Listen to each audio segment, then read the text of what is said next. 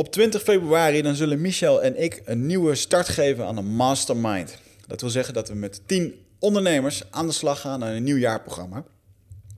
En we gaan een jaar lang met die ondernemers bouwen aan jouw onderneming. Dat betekent dat je om de zoveel tijd bij elkaar komt. We hebben zogenaamde mastermind bijeenkomsten. En daar kan je jouw meest brandende ondernemersvragen uh, neerleggen. Die we vervolgens gaan behandelen. Waar we op gaan schieten en waar we je mee gaan helpen. Zodat je de weken daarop uh, houvast hebt met wat je ook alweer moest gaan doen. En daar gaan wij je bij helpen.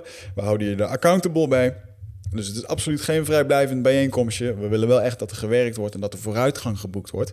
En daarvoor is ook echt deze, deze mastermind echt opgericht. Er zijn landelijke bijeenkomsten, de zogenaamde 12 Waves bijeenkomsten. Dat zijn opleidingsdagen. Uh, zoveel keer per jaar komen we bij elkaar met alle masterminds. Dan krijg je waanzinnige kennissessies over marketing, sales, financiën. Alles wat te maken heeft met bedrijfsgroei. En daarnaast zijn er ook nog de zogenaamde hot seat bijeenkomsten, waarbij we bij ons op kantoor met die ondernemers gaan zitten. En dan mag iedereen daar zijn brandende ondernemersvraag neerleggen en dan gaan we je daar vervolgens bij helpen. Waanzinnig programma. de investering is 4200 euro en we hebben maar plek voor 10 ondernemers. Uh, heb je interesse in? Ga dan eventjes naar eindbazen.nl slash mastermind-amsterdam-dragons-den. En daar kan je je aanmelden. Dan gaan we kijken of je erbij past. En hopelijk kun jij met ons gaan starten op 20 februari 2019. Op 17 februari dan geef ik weer een workshop overleven in de moderne jungle. Dat gebeurt uh, onderaan Amsterdam en Vinkenveen. En uh, als jij het lastig vindt om bij je gevoel te komen, of uh, wellicht komen je doelstellingen maar niet van de grond, of je weet gewoon weg niet wat je wilt, dan zit er een grote kans dat je vastzit in bepaalde patronen. Dingen die altijd terugkomen en waar je maar geen grip op krijgt. En misschien zegt je gevoel wel dat je toe bent aan verandering in je baan of in je liefdesrelatie, of überhaupt in de richting van je leven. Maar je weet niet helemaal hoe dat je een keus moet maken of wat je daarmee moet doen. Nou, dan is dit echt een perfecte workshop voor je. Om daarbij te zijn. Als, als een van die punten die je net noemde, als die resoneren met je, dan is het geen toeval dat je dit hoort. Uh, dit zal een workshop zijn met uh, persoonlijke groei, persoonlijk leiderschap, theorie, oefeningen, maar ook bioenergetics en dynamic meditations. En het idee is hier dat je uit je hoofd komt in je lichaam. Want met je lichaam, dan kan je voelen en daarmee kan je in één keer op je intuïtie gaan sturen en op luisteren naar je gevoel. Dus dat is een, uh, een workshop die staat eigenlijk volledig in, het, in het thema van dat. Voor degenen die mij hebben gevolgd op mijn reis naar Elliot Huls in Amerika, die weten hier al meer van. Ik zou ook zeggen, kijk eventjes de podcast nog met hem. dan weet je een beetje wat, daar, wat ik daar heb gedaan. En um, nou, heb je hier interesse in, 17 februari, ga eventjes naar wichertmeerman.com. Rechtsbovenin kan je klikken op workshop en dan vind je daar het aanmeldformulier. Er is maar plek voor een maximum van 15 tot 20 mensen. En uh, de plekken die vullen zich al langzaam op. Dus wees er snel bij. Eindbazen wordt gesponsord door Nutrofit. De webshop voor natuurlijke voedingssupplementen en trainingsmaterialen die je helpen bij het verkrijgen van Total Human Optimization. Nutrofit is hofleverancier van merken zoals Onnit, Natural Stacks en Bulletproof Coffee. Probeer onze producten zonder risico door onze money back guarantee. Bezoek ons op www.nutrofit.nl. Bestel je voor 9 uur s avonds dan zorgen wij dat jouw bestelling de volgende dag geleverd wordt. Jeetje gezondheid. Oh, ik ben allergisch voor bullshit. Oh, dan moet je straks hier aan Oké, okay. en hoe live. ja, een boel is natuurlijk ook gewoon een, eh, een mannetjes... Uh, ja. Een stier. Dus, ja. dus ik maak hier uit dat we stierenschuit in de studio ja. hebben liggen. Vet. Ja, in dit geval is het haar, maar had ik ook mee kunnen nemen. Maar goed, dat komt zo misschien nog te. Het voelt een beetje nostalgisch om jou uh, in, de, in de hut te hebben, wou ik zeggen. Ja, maar, uh, headquarters. Uh, ja, wanneer was het? Dus in mijn mails had ik terug te kijken. 2015, toen kwam je bij ons. Voor de, lezer, voor de luisteraars die luisteren, we hebben vandaag Dick Mol in de studio. Mammoet-expert, Sir Mammoet. Sir Mammoet, gast en, van het eerste uur. Ja, en nog altijd wel een van mijn persoonlijke favorieten. Dat is ook de reden waarom je nu hier weer, weer zit. Maar ook van de luisteraars die zeiden van ja die man die kon gewoon verhalen vertellen. En dat, uh, er zijn niet zoveel die dat uh, kunnen evenaren. Dus genoeg redens, redenen om jou terug te, uit te nodigen hier in de studio. Je zit niet stil, want ik volg je een beetje op social media. En um, het lijkt alleen maar erger te worden. Uh, het is nog allemaal onder under control, om het maar zo te zeggen. Ja, wat heeft je allemaal bezig gehouden sinds, uh, sinds dat je bij ons bent geweest? Dat is drie jaar geleden, dus uh, je hebt een hoop gedaan, denk ik. Oh, dat is heel veel geweest. Wat ik weet, als ik teruggraaf, dan heb ik vier jaar geleden voor het ZDF, het Tweede Duitse Televisienet, het grootste televisiebedrijf in Europa, groter dan de BBC, heb ik een documentaire mogen maken. Dat wil zeggen, zij hebben een documentaire gemaakt over mij. Wat houdt mij nou zo bezig in mijn vrije tijd? Het bedrijven van zoogdierpaleontologie. Het bestuderen van dieren die ooit op het noordelijk halfrond in Europa, Azië en Noord-Amerika geleefd hebben. In het ijstijdvak. Het is iets wat heel boeiend is. Want je moet weten, in ieder mens schuilt een kleine Indiana Jones. Iedereen wil, wil erop uittrekken. Als je kleine kinderen vraagt wat wil je later worden, dan is het archeoloog, maar ze bedoelen eigenlijk paleontoloog. Ze willen iets ontdekken, dat willen ze bestuderen, dat willen ze publiceren en dat willen ze vertolken naar het publiek. Van kijk eens, vroeger was het zus en was het zo. En dat doe ik heel graag. En de Duitsers waren geïnteresseerd in mijn verhaal, want ik ben liefhebber, ik ben een amateur paleontoloog. Ik doe het in mijn vrije tijd. Eh, Misschien een beetje extreem, omdat ik er heel veel tijd aan besteed. En ik doe heel veel dingen die een ander nog niet gedaan heeft. Ooit heeft er een heel mooi verhaal gestaan in Trouw, geschreven door Rob Buiter, die ik al jaren ken. En die had ook een verhaal over waar ik me mee bezig hield. En die noemde mij een professionele amateur. Nou, dat is natuurlijk een hele, heel mooi compliment. En de Duitsers hebben dat ook opgevat. Die hebben gezegd van, goh, doe je nog iets bijzonders? Ik had al eens een keer korte, korte eh, documentaires met ze gemaakt over het vissen naar mammoeten in de Noordzee. Ja. Eh, ze hadden in die tijd, eh, een hele belangrijke krant in Duitsland, hadden ze verhalen over mij geschreven. En zeiden ze, als je ooit nog eens iets bijzonders gaat doen, dan moet je dat ons laten weten. Want het ZDF wil graag een documentaire over jou maken. Wat wilde het toeval dat een week daarvoor was ik benaderd door een, eh, een eminente paleontoloog, Martin Pickford. Is geboren in Kenia, is van origine een Engelsman, maar heeft zich verdienstelijk gemaakt op het gebied van primaten, apen, aapachtigen, wilde zwijnen, enzovoort, enzovoort. En die doet veel onderzoek in Oeganda, maar ook in Namibië, in Afrika. En die belde mij op een zondagmiddag op met het verhaal van... Dick, ik denk dat ik een skelet van een olifant gevonden heb in eh Etosha, in het noorden van eh, Namibië. Eh, het zijn maar bits en pieces wat ik heb, maar ik denk dat er een heel skelet ligt. Maar ik ben te oud om dat op te graven. Jij hebt ervaring, wil jij dat niet voor mij doen? En ik was razend enthousiast, want ik heb op allerlei continenten opgravingen gedaan. Maar ik was nog nooit op het Afrikaanse continent geweest om op te graven. En toen heb ik meteen ja gezegd. Nou, even kort besproken hoe we dat zouden kunnen aanpakken. En wie ik dan mee ga brengen om een team te beelden. Om dan die opgraving te gaan uitvoeren. Als we wat vinden. Het telefoongesprek was beëindigd. En toen zat ik met een probleem met mijn handen in het haar. Van hoe krijg ik dit nu voor elkaar? Want ik heb daar heel veel geld voor nodig. En dat heeft me de hele week bezig gehouden. Totdat ik gebeld werd door het ZDF. Althans voor de productiemaatschappij die voor het ZDF documentaires maakt. En eh, die zei, god, ik ga je nog iets bijzonders doen. En toen heb ik gezegd, ja, ik ga een mammoet opgraven in Afrika. Was? Een mammoet in Afrika? Die gibt es daar nog niet. Ik zei, toch? Dat gesprek gaat dan verder in het Duits. Wil je daar niemand over eh, vertellen? Dan gaan wij dat opnemen en dan maken we daar een documentaire over. En dat is een hele grote documentaire geweest, die onder andere gefocust is op het opgraven op het Afrikaanse continent. Heel veel georganiseerd. Je moet samenwerken met de lokale paleontologen in Namibië. Eh, je moet vergunningen krijgen, niet alleen om opgraving te mogen doen, want het is in een gebied wat ze aanduiden als een soort spergebied. Niet omdat het diamanten zijn, maar de Etosha Pen, dat is een eh, heel groot opgedroogd zoutmeer. Dat is eh, helemaal wit. Daar komt niemand. Alleen nog maar dieren komen daarop die vanuit de bush op dat opgedroogde zoutmeer, wat helemaal wit is, zich eh, schuilhouden. In de zin van, als we nu in dat witte meer ons ophouden, dan zien we de roofdieren aankomen. En dan kunnen we heel makkelijk er vandoor gaan als die leeuwen of hyena's ons willen aanvangen, aanvallen. Daar is nog een riviertje, de Ekuma-rivier, die vanuit het noorden nog dat- die pen binnenstroomt. Maar heeft in augustus doorgaans geen water meer. En als het opgedroogd is, dan zouden we bij het mammoetskelet moeten kunnen komen. Althans, een olifant. We wisten nog niet dat het een mammoet was.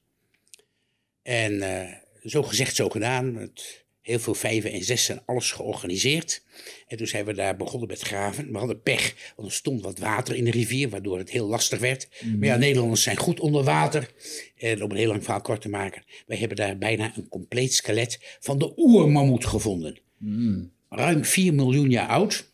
Je moet weten dat de oudste mammoeten, die zijn in Afrika ontstaan, ten noorden van Kaapstad, zijn 5,2 miljoen jaar oud. Die zijn door dramatische klimaatsveranderingen, en het werd steeds maar droger en droger, zijn ze richting het noorden getrokken. Zo 4 miljoen jaar geleden zaten ze in Namibië, dat ligt het noorden van Zuid-Afrika. En zo heel langzaam maar zeker naar het noorden. En ongeveer 3 miljoen jaar geleden zijn ze vanuit Afrika gekomen via de Levant, zeg maar het Midden-Oosten, naar Europa, Azië en uiteindelijk naar Noord-Amerika. En die oermammoet, Mammutus subplanifrons genoemd, dat was een heel groot primitief beest, een olifant, maar wij noemen dat mammoeten. Heel goed te herkennen aan het gebit. En daar hebben we voor het eerst een nagenoeg compleet skelet opgegraven. Wauw. En dat zit in die documentaire. Dat is een hele mooie documentaire geweest. Daar zit ook een verhaal in over de samenwerking, zoals ik dat hier in Nederland doe, met vissers. Die de Noordzee opgaan en hun bijvangsten in de vorm van mammoetoverblijfselen en dergelijke. Dat verzamelen. En als je dan elkaar informeert over wat er opgevist is, wat het betekent, welk verhaal het vertelt, dat we een hele goede indruk krijgen hoe onze jonge geologische geschiedenis is Ja. van de aarde, zodat we heel goed de toekomst kunnen begrijpen. Dat doen we ook in Canada. En dan werken we samen met gouddelvers in de Klondijk. Waar de goldrush zich aan het begin van de vorige eeuw heeft afgespeeld. En waarin eh, goudmijnen, maar dat zijn dan dagbouwmijnen... waar de permafrost wordt afgesmolten. Secties van zo'n 20, 30 meter hoog bevroren bodem wordt afgesmolten... om bij de goudvoerende lagen te komen. Ja. En in die 20, 30 meter bevroren sedimenten zitten natuurlijk overblijfselen van ijstijdzoogdieren. Steppenwicenten, mammoeten, sabeltandkatten, leeuwen, beren en ga zo maar door. En dat zit ook in die documentaire. Uiteraard zit ook de Noordzee daarin. Hè, Dat hele boeiende verhaal over dat de Noordzee geen zee was. Dat de Britse eilanden met het continent van Europa verbonden waren. En pas sinds 8000 jaar eilanden zijn. En eh, dan nog heel veel meer in musea in Europa en dergelijke. En daar hebben ze een documentaire van bijna twee uur van gemaakt. Die ze op kerstavond, nadat iedereen zijn cadeautjes heeft ontvangen en uitgepakt, hebben ze die op primetime uitgezonden. En dan kijken er miljoenen mensen naar, naar iemand die een beetje gebrekkig Duits zit te mompelen van eh, het is zo en zo geweest. is toch helemaal te gek? Ja. Eh, helemaal als je dan weet dat die documentaire dan vervolgens ook nog naar Noord-Amerika weer verkocht is. Want die televisiemaatschappijen doen het natuurlijk ook voor het geld. ja. En dan daar ook nog eens een keer heel, ja, heel intensief bekeken worden met eh kijkcijfers waar ze hier in Nederland van opkijken. Wauw. Ja, Je noemde net, mag je de bedragen noemen wat dat heeft gekost, zo'n documentaire? Die documentaire, daar hadden we een budget van 600.000 euro. Ongelooflijk. Die, wordt, die wordt gewoon even voor, voor dik uit Hoofddorp uit de tas getrokken.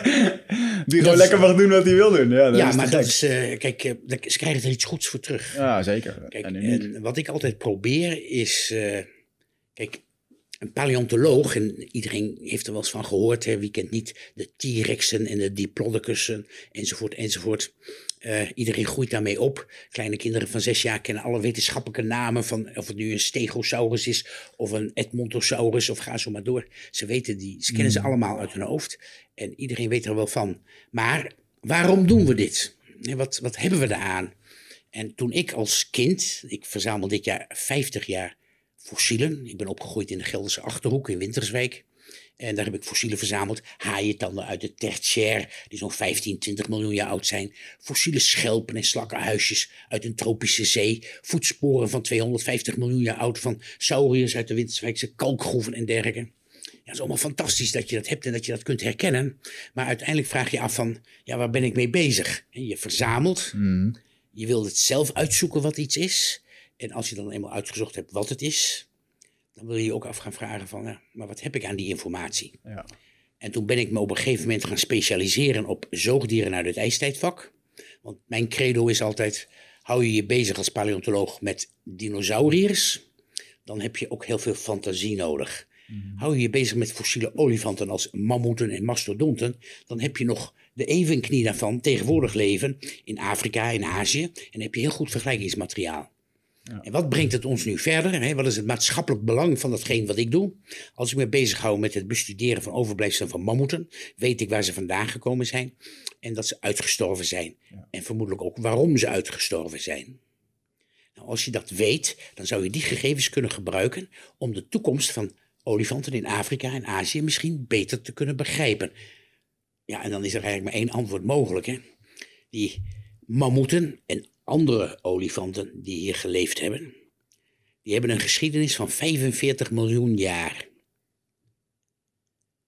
In die 45 miljoen jaar heeft die orde van de slurfdragers, de Proboscidea, een enorme hoeveelheid genera en soorten voortgebracht. Van platybelodon tot en met stegodonten, mastodonten, nou, ga zo maar door. Die zijn allemaal uitgestorven. Daar heeft zich nog nooit iemand druk om gemaakt. Ja, die wolharige mammoet wel. Hè, want iedere keer als er weer een mammoet gevonden wordt, komt de vraag: kunnen we de mammoet nu gaan klonen? We weten dat die dieren allemaal met een reden uitgestorven zijn. En als je weet dat er dan zoveel verschillende soorten zijn geweest, en er zijn er nog maar twee over, één in Afrika en één in Azië, dan kan ik voorspellen dat die ook het loodje gaan leggen. Ja. Die gaan er ook aan. Ik kan alleen nog niet zeggen wanneer dat gaat gebeuren. Maar in de komende 500 jaar ben ik bang dat ze verdwenen zijn. Ja, je had ons als huiswerk eh, iets opgestuurd. eh, ehm, in het Financieel Dagblad hebben ze jou gepubliceerd met een heel stuk. Eh, wat mij overigens verbaasde, maar wel heel logisch was toen ik het las, dat je zei dat ehm, wij noemen het Kroekerpark het natuurreservaat. Maar die beesten die horen te trekken, die horen heel de wereld over te lopen. En dat ze dan hun eigen biotoop, dat is hun eigen leefomgeving, dat ze die vernietigen. Hoe doen ze dat? Het is zo dat eh, olifanten, net als rendieren, dat zijn migrerende dieren. Hè, die trekken. Een olifant kan op een nacht met gemak 80 kilometer afleggen. Dat hebben ze ook altijd gedaan. Wat hebben we tegenwoordig? We hebben een groot aantal diersoorten hebben we zwaar beschermd. En die hebben we gezegd van die stoppen we in parken. En als er dan een poacher, een, een stroper komt, nou dan schieten we die maar dood. Want die olifanten die blijven leven in dit geval. Wat zien we dan in die olifantenparken als Kruger, maar ook Edo ten noorden van eh, Port Elizabeth in Zuid-Afrika? Een enorme grote omheining en in dat gebied, wat best groot is, daar mogen die olifanten dan ongestoord leven. En als je dan die olifanten bestudeert, wat ze doen, is dat ze zijn in een heel klein gebied. Ze kunnen daar niet uit, want dan worden ze afgeschoten, want dan lopen ze door de strooien hutjes heen en dergelijke. Dat willen we ook niet. Dus die zijn gestrest. Ze zijn in zo'n klein gebied samengebracht. Het worden er steeds meer en meer. De hele grote stieren, die zijn er niet meer. Die altijd het recht van de paring hebben gehad. Als die eenmaal in de must zijn, dan gaat zo'n grote voor een jongere. Voor een halfstarke, om het maar zo te zeggen. Dat is niet meer. Die jongere stieren, nou ja, die worden uit een kudde gestoten als ze zo'n 12 tot 15 jaar oud zijn. En die gaan geïsoleerd door het landschap.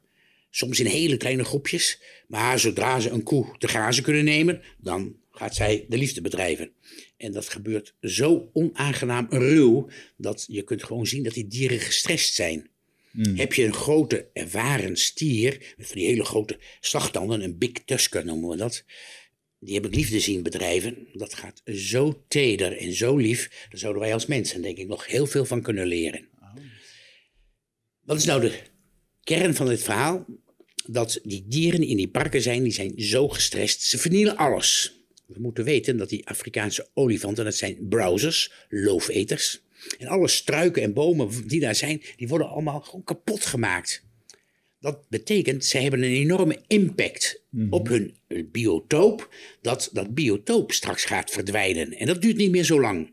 En als dat biotoop verdwijnt, dan is er geen overlevingskans meer. Nee. Want ze zouden zich dan opnieuw moeten aanpassen. Maar dat moet zo akelig snel gaan dat het bijna onmogelijk is. Dus ze zijn zo gespecialiseerd dat als die biotoop verdwijnt, verdwijnen die dieren ook.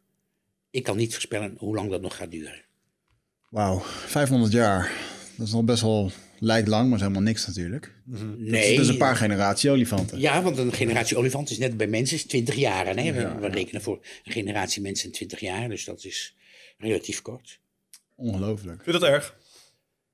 Nee, want het gaat toch gebeuren. Dat de mens als een soort katalysator meewerkt, dat het iets versnelt, daar geloof ik wel in. Maar we moeten weten, we zitten hier op een levende planeet. En als we terugkijken in de geologische geschiedenis van de aarde, dan zien we dat er voortdurend eh, catastrofes optreden die veroorzaakt worden door klimaat. Dat hebben we in het ijstijdvak, de laatste 2,6 miljoen jaar van de geschiedenis van de aarde, hebben we dat heel veel keren meegemaakt. Moet je weten, nijlpaarden, die heel ten onrechte nijlpaarden worden genoemd, die moeten eigenlijk IJsselpaarden heten. Hmm. Want er hebben nijlpaarden in de IJssel gedobberd. Nou? Als je een gat gaat graven op Trafalgar Square in hartje Londen, dan kom je geen botten van mammoeten tegen, maar dan kom je in afzettingen uit het laatste interglaciaal, ruwweg zo'n 125.000 jaar oud, kom je tegen. En er zitten overblijfselen in van nijlpaarden, wilde zwijnen, damherten. Maar dat is hier in Nederland niet anders. Want die hebben we niet alleen uit Londen, die hebben we ook uit de Noordzee, die hebben we ook uit de IJssel als voorbeeld. Maar ook uit de Bovenrijn in Duitsland en andere vindplaatsen in Europa. Dus ja, om een eh, lang verhaal kort te maken. Je ziet dat voortdurend dieren hier binnenkomen. En dat er dieren zijn die verdwijnen. In, En dat is iets wat heel natuurlijk is. Meestal veroorzaakt door het klimaat. Want dat zorgt ervoor dat er voldoende voedsel is. Dan blijf je. Is er niet veel voedsel meer, dan trek je weg. Hè, dan migreer je. Dan ga je naar betere vindplaatsen voor voedsel. Maar als die er niet meer zijn. En je hebt niet de mogelijkheid om je aan een nieuw biotoop aan te passen. Dan verdwijn je. Hoe lang- Hoe lang is die aanpassingstijd die we, die we nodig zouden hebben als generatie om... eh, Eh, heel moeilijk om dat in te schatten, want eh, men gaat er altijd vanuit dat evolutie dat dat eh, relatief snel heeft plaatsgevonden. Maar ja, wat is snel? Hè? De menselijke maat, kijk, 500 jaar, ja, dat kunnen we nog een klein beetje bevatten. En- wat is de- praten hier over een miljoen jaar geleden, 10 miljoen jaar geleden. Wat is dan de aanpassing waar je het dan over hebt? Is het dan de aanpassing bijvoorbeeld van, eh, van de vegetatie die je eet, van de temperatuur? Ja, eh, nou laten we maar mammoeten als voorbeeld nemen. Dat is een heel mooi voorbeeld. Eh, de eerste mammoeten die we kennen, die hebben een heel laag kronig gebit, wat heel eenvoudig van opbouw is. Een mammoetkies bestaat uit een aantal platen of lamellen genoemd. Tandbeen omgeven door tandglazuur en één zo'n lamel is verbonden met een volgende door middel van tandcement. En zo zitten er een aantal van die lamellen in ieder gebitselement, in iedere kies. Hoe lager zo'n kies is, hoe meer die geschikt is voor het vermalen van zacht voedsel. Wat is zacht voedsel? Bladeren, takken en twijgen van bomen en struiken. Verdwijnen nou die takken, of die struiken en die bomen, en je krijgt er een graslandschap voor terug. Gras is heel hard voedsel. Dan, en je hebt lage kiezen, dan ben je heel snel door je gebit heen en kun je voedsel niet meer vermalen en ga je dood. En de natuur heeft ervoor gezorgd dat die dieren zich hebben kunnen aanpassen van zacht voedsel naar hard voedsel. Dus die gebitselementen, die kiezen, die werden steeds complexer. Ze werden hoogkroniger, het emaille werd dunner en er kwamen meer van die lamellen per 10 centimeter interval. En de mammoetkiezen, die zeg maar aanvankelijk zo'n 5, 6 centimeter hoog waren, die werden op een gegeven moment wel 30 centimeter hoog. Heel erg duurzaam en zijn dus uitermate geschikt voor het vermalen van hard voedsel. Maar je moet het zo zien. Als je naar de evolutielijn kijkt, van heel laag kronig, wat steeds hoogkroniger en hoogkroniger wordt, met gevolg dat de kaken steeds korter gaan worden, de dieren hoger op hun poten gaan staan of lager op hun poten gaan staan, enzovoort, enzovoort. Op een gegeven moment zijn die dieren op het hoogtepunt van hun evolutie. Dan kunnen ze niet meer verder evolueren, omdat ze, nou, ze zijn gewoon op de top.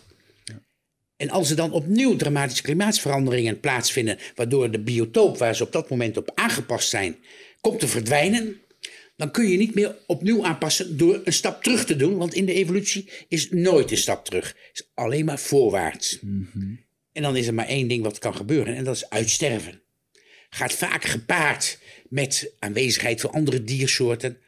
Soms bij die mammoeten zijn dat de mensen geweest die druk uitoefenen op zijn populatie. Ja, dan zijn ze heel snel weg. Ja. En dat, is- dat is evolutie. En dat moeten we accepteren dat het zo is. Laten we even naar de mastodonten kijken. Er wordt altijd gezegd, het is een voorouder van mammoeten. Nee, helemaal niet waar. Een mastodont is niets anders dan een uitgestorven prehistorisch dier... die een beetje weg had van een olifant. Maar zijn gebit ziet er heel anders uit. Ze zijn knobbelkiezen en dergelijke. Ook laagkronig, zijn ook loofeters, browsers geweest. De jongsten daarvan in Europa en Azië, die komen uit de Oosterschelde in de provincie Zeeland. Daar worden de overblijfselen van opgekort, opgevist. Zijn ongeveer zo'n 1,7 miljoen jaar geleden uitgestorven. Daar heeft nooit iemand zich druk om gemaakt. Die wolharige mammoet uit het einde van het ijstijdvak, laten we zeggen zo ruwweg zo'n 20.000 jaar geleden, die zien wij altijd afgebeeld in een sneeuwlandschap. Een hele groot beest. En die moet zich dan een weg banen door zo'n besneeuwd landschap. Toendra-vegetatie, die giftig is overigens, maar dat even terzijde. Op zo'n landschap, zo'n besneeuwd landschap, is niets aan voedsel te vinden. Nee. Want mammoeten en olifanten hebben zo'n 180 tot 200 kilo voedsel per dag nodig. Ja. Luister, dat haal je niet onder die sneeuw vandaan. En wij vinden dat verkeerde beeld wat wij hebben, want ze hebben niet op zo'n besneeuwde toendra geleefd. Ze hebben op een grazige gassteppen geleefd. Dat beeld wat wij in ons hoofd hebben van die mammoeten op zo'n besneeuwde, kale vlakte, vies, koud weer. Dat verhoogt de aaibaarheidsfactor voor die wolhagen mammoet. En dan krijg je mensen à la Steven Spielberg die zegt... we gaan de mammoet klonen en dan maak ik een mooie film over. Pleistocene Park. Ja. En die verdienen daar geld aan. Ja, ja, ja. Maar we moeten het accepteren dat die dieren uitgestorven zijn. Ze zijn weg. Ja, zo is het nu eenmaal. ja. Stel dat eh, we vast zullen stellen dat de ratten gaan uitsterven. Nou, daar zal niemand zich druk om maken. Er Nee. zijn vieze beesten, brengen ziektes over en weet ik veel wat nog meer. Wat zou, ehm, daar ben ik wel benieuwd, wat zou het voor gevolg hebben voor andere dieren als nu de olifant zou uitsterven? Ik denk niet veel. Nee, nee. Kijk, olifanten hebben nauwelijks of geen vijanden. De enige is dan de mens die erop jaagt vanwege dat ivoor. Maar eh, als je naar Afrika kijkt, het is maar zelden dat jonge olifanten van een kudde geïsoleerd kan worden door de roofdieren. En dat ze dan ja. doodgeschoten of doodgebeten wordt en opgevreten. Ja, ja. Dat, eh, Maar wat je wel mag verwachten is weer een toename van de biotoop die ze nu slopen. In ja. ieder geval andere, waardoor andere beesten weer beter tot hun recht kunnen komen. Want ik, wat ik heel erg aan moet denken als ik hier naar luister, is dat, volgens mij hebben we het hier wel eens over gehad, in Yellowstone Park, op een gegeven moment hebben ze weer wolven, Ja. volgens mij, toegestaan. Ja. Waardoor herten weer werden bejaagd, eh, bevers hun plek weer konden krijgen. eh, en de hele landschap compleet transformeerde door de introductie van één nieuwe diersoort. Ja, dat, eh, dat, dat is juist wat je zegt.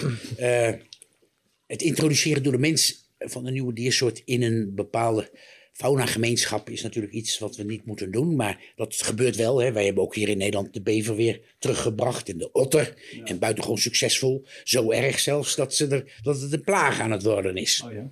Nou, de bevers in ieder geval. Eh, kijk, wat we, wat we niet zo makkelijk terugvinden, maar tegenwoordig met DNA-onderzoek wel mogelijk is, is dat de impact van dieren op een biotoop. Eh, olifanten die heel veel mest produceren, die zorgen ook voor dat er een bepaalde vegetatie is. Als je die weghaalt, zal die vegetatie, dan is er minder mest en zal Ja. die ve- vegetatie ook anders worden. Dat is met de bisons, de steppenwicenten die we hier in het ijstijdvak gehad hebben. Overigens, dat waren runderen met een schouderhoogte van zo'n 2,20 meter, 2,30 meter. Echt waanzinnig groot. Ja, die, eh, ja, wat zal ik zeggen, die hebben natuurlijk ook een enorme impact op de vegetatie. Want die produceren zoveel mest, iedere keer maar weer. Waarom, eh, en ik weet niet of we het in de laatste podcast hebben aangeraakt, maar waarom lijkt het erop dat alles wat zeg maar 10.000 jaar eh, voor ons leeftijd zo aanzienlijk veel groter was? Ja, eh, we weten van heel veel Pleistocene zoogdieren, nijlpaarden bijvoorbeeld, dat ze allemaal iets groter zijn geweest dan de recente. Eh, voedselaanbod moet natuurlijk heel erg goed zijn geweest. Eh, het evenwicht in die fauna's, ook heel belangrijk. Hè? Dat zijn, eh, eh, er is altijd een, een we noemen dat een gebalanceerde fauna. Je hebt grazers, je hebt loofeters, je hebt carnivoren. Hè? En dat is allemaal op elkaar afgestemd. Als daar een storing in komt, gaat het ene beest het beter doen dan het andere. Aha. Stel dat de roofdieren zich minder goed hebben kunnen voortplanten. En dat de nijlpaarden, de olifanten en dergelijke allemaal wat eh, beter hebben kunnen floreren daardoor. Dan krijg je ook dat ze groter worden. Dus ja, eh, daarom is dat bestuderen van die fossielen zo belangrijk. Hè? Het mooiste is natuurlijk altijd dat je complete skeletten hebt. Maar zelfs geïsoleerde skeletonderdelen vertellen al een heel mooi verhaal.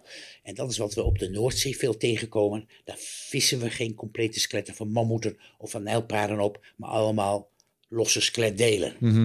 Er liggen ongetwijfeld complete skeletten, maar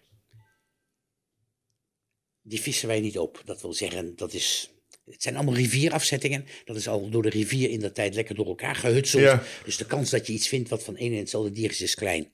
Maar als je die losse skeletelementen maar vol- voldoende opmeet, meten is weten, nou, dan kun je zien, hebben we met een groot individu te maken of met een klein individu. En zo weten we van de mammoeten, verschillende soorten van de bodem van de Noordzee, dat we in het begin van het ijstijdvak, zo rond die 2,5 miljoen jaar geleden, dat er mammoeten hebben rondgelopen schouderhoogte van 4 meter, 4 meter 20, Terwijl de laatste, de wolhagen mammoeten, ja, dat waren maar hele kleine beestjes. Schouderhoogte van 2,60 meter. Ja, en als ik hem goed begrepen heb, dan zit hem dat dus in, in, in de beschikbaarheid van voedsel, mede door concurrentie van andere diersoorten en dat soort zaken. Precies. Oké, ja. dat heeft dus niks te maken. Ik, is er ook een tijdperk geweest, misschien eh, in, in eh, voor de desbetreffende ijstijd, eh, waarbij er, geloof ik, had je ook ongelooflijk grote insecten en dat soort dingen. En dat had ook iets te maken met de zuurstofsamenstelling Eh, van, ja. van de planeet. Maar dat, dat is dus niet in hetzelfde moment geweest als we met die mammoeten te maken Nee, hebben. dan hebben we het over miljoenen en miljoenen jaren geleden. Oké, maar dat En, was, dat is gekoppeld aan de atmosfeer dus.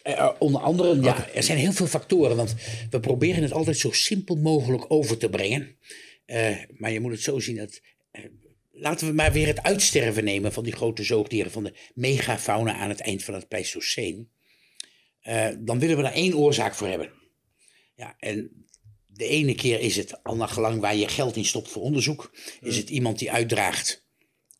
Het is de overkill geweest. Hè? Het is de mens die de dieren overbejaagd heeft. En daarom zijn ze uitgestorven. Je hebt de over,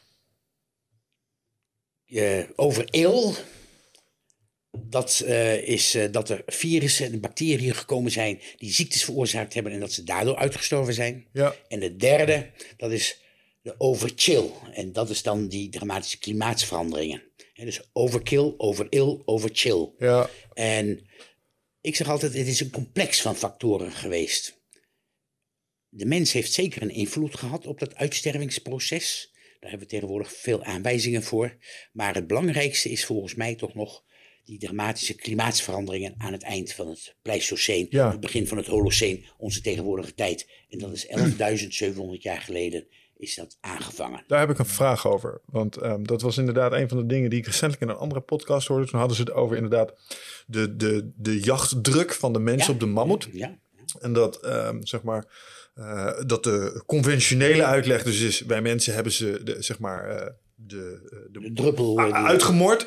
Ehm, maar er was inderdaad een, eh, een bijna cataclysmisch moment ergens... waardoor er iets, wat je zei, behoorlijk dramatisch heeft plaatsgevonden. En ik hoorde daar inderdaad een ijstijd... maar ook een soort vloed als gevolg van de ijstijd... omdat er ergens heel veel smeltwater is ja, en vrijgekomen. gassen vrijkomen, ja. Hoe dramatisch was die omslag? Waar hebben we het dan over? Hebben we het dan over eh, gistermorgen? Was dat maanden? Hoe zag dat eruit? Eh, nee, dat, dat, dat, dat, dat kan ik niet precies beantwoorden, die vraag. Ik weet dat men daar heel druk mee is. Want er zijn steeds anderen die ook andere oorzaken proberen aan te duiden van waarom ze verdwenen zijn. Maar we hebben het hier over die storega. Hè, dat zijn die gassen die dan vrijkomen door het afsmelten. En dat enorme gaswolken teweeg heeft gebracht, waardoor heel veel dieren uitgestorven zijn. Ah, Eh, dat kan voor bepaalde gebieden ook meegeteld hebben. Want we moeten niet vergeten dat het uitsterven van die megafauna, dat is niet in één keer op één moment overal hetzelfde. Als we kijken naar radioactieve koolstofdateringen aan mammoeten, dan zien we dat de meeste mammoeten in Europa zo rond de 24.000 jaar geleden aan het verdwijnen zijn. Maar in het hoge noorden van Siberië, daar hebben we dat pas rond 9600 jaar voor heden. En dan zijn er nog wat uitzonderingen op Wrangell Island en op de Pribilov-eilanden, die bij, Canada, eh, bij eh, Alaska horen. Daar hebben ze nog geleefd 5600 jaar geleden en 3700 jaar geleden. Daar heb je nog van die, ja, van die kleine ja, refugees gehad, hè, van, die, van die terugtrekgebieden, waar dan eh, de biotoop nog een klein beetje in stand is gebleven. En daar hebben ze nog heel lang vol kunnen houden. Maar uiteindelijk zijn ze daar ook verdwenen. En niet door toedoen van de mens. nee. Het is eh, veel eh, complexer dan, dan het lijkt. Ja, nou de reden dat ik het vraag is omdat ik... ehm, eh, ik hoor dat vaak, hè, dat de omslag, als het dan gaat voor zo'n mammoet... dus die niet in staat is om daarop in te spelen... is omdat het zo echt abrupt was. En dan worden tijdspaden van ongeveer een jaar geschetst. Moet je nagaan dat alles binnen een jaar verandert. En, en ik, weet- ik weet niet of dat, of dat echt zo... Dat, dat is behoorlijk dramatisch. Dat is behoorlijk Ja, ja, eh, ineens, zeg maar. Ehm, en dat vind ik fascinerend, want het is voorheen dus gebeurd. Hè? Ook al, nou, al zou het twee jaar zijn, dan vind ik nog steeds lang. Op vijf jaar is het nog steeds behoorlijk abrupt. Ehm, en als ik dan kijk naar bijvoorbeeld afgelopen zomer was ik daarmee bezig, man. Ehm, we, zitten nu ook in zoiets waarbij hè, er lijkt een soort omslag gaande te zijn. En ik had niet gedacht dat ik in mijn tijd nog boomschors van de bomen zou zien afknappen van de hitte. Of eh, dat ik eh, planten zo eh, de aan zou zien gaan in een tijdsprik. Ik dacht, wauw, dit gaat echt fucking snel. Ik had gedacht dat dit nog wel 50 jaar, 100 jaar zou duren of zo. Maar nee, het was er ineens. Ja, er zijn een aantal zaken die, lijk, die doen lijken dat het heel abrupt gaat. Juist. Eh, ik weet nog 1961, hè, dat is een hele strenge winter geweest. Veel sneeuw. Ik woon in Winterswijk. Ik weet dat ik naar school moest lopen. En dan eh, de stoepranden lagen helemaal vol met sneeuw. Dat was allemaal bevroren. Vrij strenge winter. En daarna hebben we dan nog eens een keer eh, eind 80 jaren wat gehad. Eind 70 jaren geloof ik. Ook in het, ik woonde toen in het hoge noorden van Nederland, in Bellingwolde. Dat er ook heel veel sneeuw gevallen was. En dan op een gegeven moment dan verdwijnt dat en maak je geen strenge winters meer mee. Dat kunnen we aflezen aan eh, de verslagen over elfstedentochten... die we nu tegenwoordig zwemmend moeten afleggen. Hè, want, Ja, hè, ja. Om maar wat te noemen. Eh, daarbij komt ook natuurlijk dat het in de belangstelling staat. Hè. We hebben daar steeds meer belangstelling voor. We kunnen heel snel met elkaar communiceren. Ik maak dat mee bijvoorbeeld in het noorden van Siberië, waar ik veel gewerkt heb. En nu in het noorden van Canada. Daar heb je permafrost en die permafrost is aan het afsmelten. Gevolg is dat er zijn steeds meer mensen die interesse hebben in die fossielen. Er zijn steeds meer expedities die erop uittrekken om allerlei onderzoeken te kunnen doen. Of om ivoor te verzamelen of wat dan ook. En oh, er worden steeds meer mammoeten gevonden. En dat komt door het afsmelten van de permafrost. Yay. Larikoek. Die afsmelten van die permafrost in de zomermaanden, dat heeft zich al honderden jaren eh, afgespeeld. Alleen er is nooit iemand echt op zoek gegaan naar die fossielen. En nu doen we dat massaal. En dan is het in één keer van, oh, we hebben heel veel mammoeten. Dat komt door het afsmelten van die permafrost. Dat die afsmelt, dat, dat, dat twijfel ik niet aan hoor. Maar dat is niet de reden dat we meer mammoeten vinden. Want het heeft zich altijd al plaatsgevonden. Alleen toen werd er geen aandacht aan geschonken. En nu met die klimaatsveranderingen. En dan nu met deze hele mooie zomer die we gehad hebben. Als het volgend jaar eh, weer een zomer is dat het nat is. Begint iedereen weer te klagen van ik ga naar het buitenland op vakantie. Enzovoort enzovoort. Eh, dat is ook een verkeerde voorstelling van zaken die we hebben. Ja. En daarom is het zo belangrijk dat we die paleontologie maar bedrijven. En dat we daar wat mee doen. Is, is- hoor ik jou dan eigenlijk zeggen dat global warming, eh, klimaatverandering, is echt? Alleen is het echt zo dat wij daar dan Nee, nee, nee, nee, nee, nee. Dit is een heel logisch proces. En dat weten we uit, uit het Pleistoceen. Daar heeft zich dat al zo vaak plaatsgevonden. Ja. Dat, is, dat is heel normaal. En dat de mens daar iets aan meehelpt, daar twijfel ik niet aan. Maar het is niet zo dat, eh tenminste, wat ik afleid aan de resultaten van allerlei onderzoeken aan de fossiele zoogdieren, in de ruimste zin des woords, want daar komt ook de biotoop bij en dergelijke. Daar kan ik zo nog even wat over vertellen. Eh, dat is eh, heel erg belangrijk. Maar het is niet zo dat we nu de mens de schuld moeten geven dat wij alles zo aan het opwarmen zijn dat we over 10 of over 20 jaar of 30 jaar allerlei grote problemen hebben. Nou, ik heb wel van die grafieken gezien inderdaad. Dat het, als je kijkt naar de temperaturen, die schijnen uit ijslagen te halen zijn. Ja, ja, ja. Kun, ja. je al dat soort dingen, dan ga je een paar, een paar miljoen Ja, jaar ja. terug in de tijd, zeg maar, als je aan het boren bent in bijvoorbeeld ijskappen. Ja, die ijskernen worden dan onderzocht. Ja, dan en- kunnen ze iets zien aan, aan de ma- mate van het soort sneeuw, wat voor soort neerslag het was. En en dan kunnen ze en alles. Dat, dat soort dingen afleiden. Ja. dan zie je ook inderdaad een soort, net zoals de beurs, zie je eigenlijk een soort hoogconjunctuur, laagconjunctuur. Maar wat er volgens mij wel onmiskenbaar in zat, is dat ze dan op een gegeven moment laten ze even zien, en vanaf hier is de industriële revolutie. Je ziet het wel een, het gaat wel net iets steiler. Ja. Maar kijk, we hebben natuurlijk eh, ook de kleine ijstijd nog gehad. Ik weet niet of je daarmee bekend bent.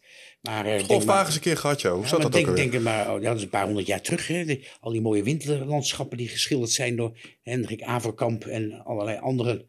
Eh, heel, hele strenge winters en dergelijke. En daarna is dat weer weggeëpt. En dat is wat we de kleine ijstijd noemen. Dus dat is, eh, nou ja, geologisch gesproken, eh, twee minuten geleden. Ja. Hè, dat, is, dat is een paar honderd jaar geleden.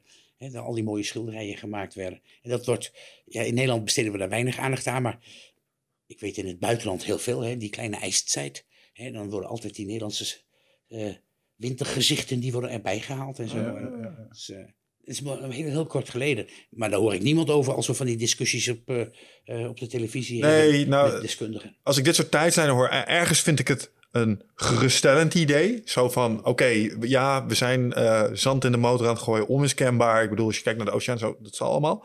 Maar tegelijkertijd, het is ergens ook een natuurlijk proces. Dus we moeten nu, kent dit, heeft hij mee gedeeld, live, weet je wel, het leven gaat gewoon door. Maar tegelijkertijd, ja, de, verontrust het me ook weer afschuwelijk. Want het- wat we net over olifanten zeiden, Ah, ja. Zo kun je ook naar mensen kijken, snap Ja. je? Ja, ja, ja. ik, zie, ik zie een paar parallellen. Ja, eh, maar die mens die gaat ook een keer aan. Toch? Alleen ik hou me daar niet mee bezig. Maar vroeg of laat sterft alles uit natuurlijk. Ja. Alleen eh, de menselijke maat hè, die is maar zeer beperkt.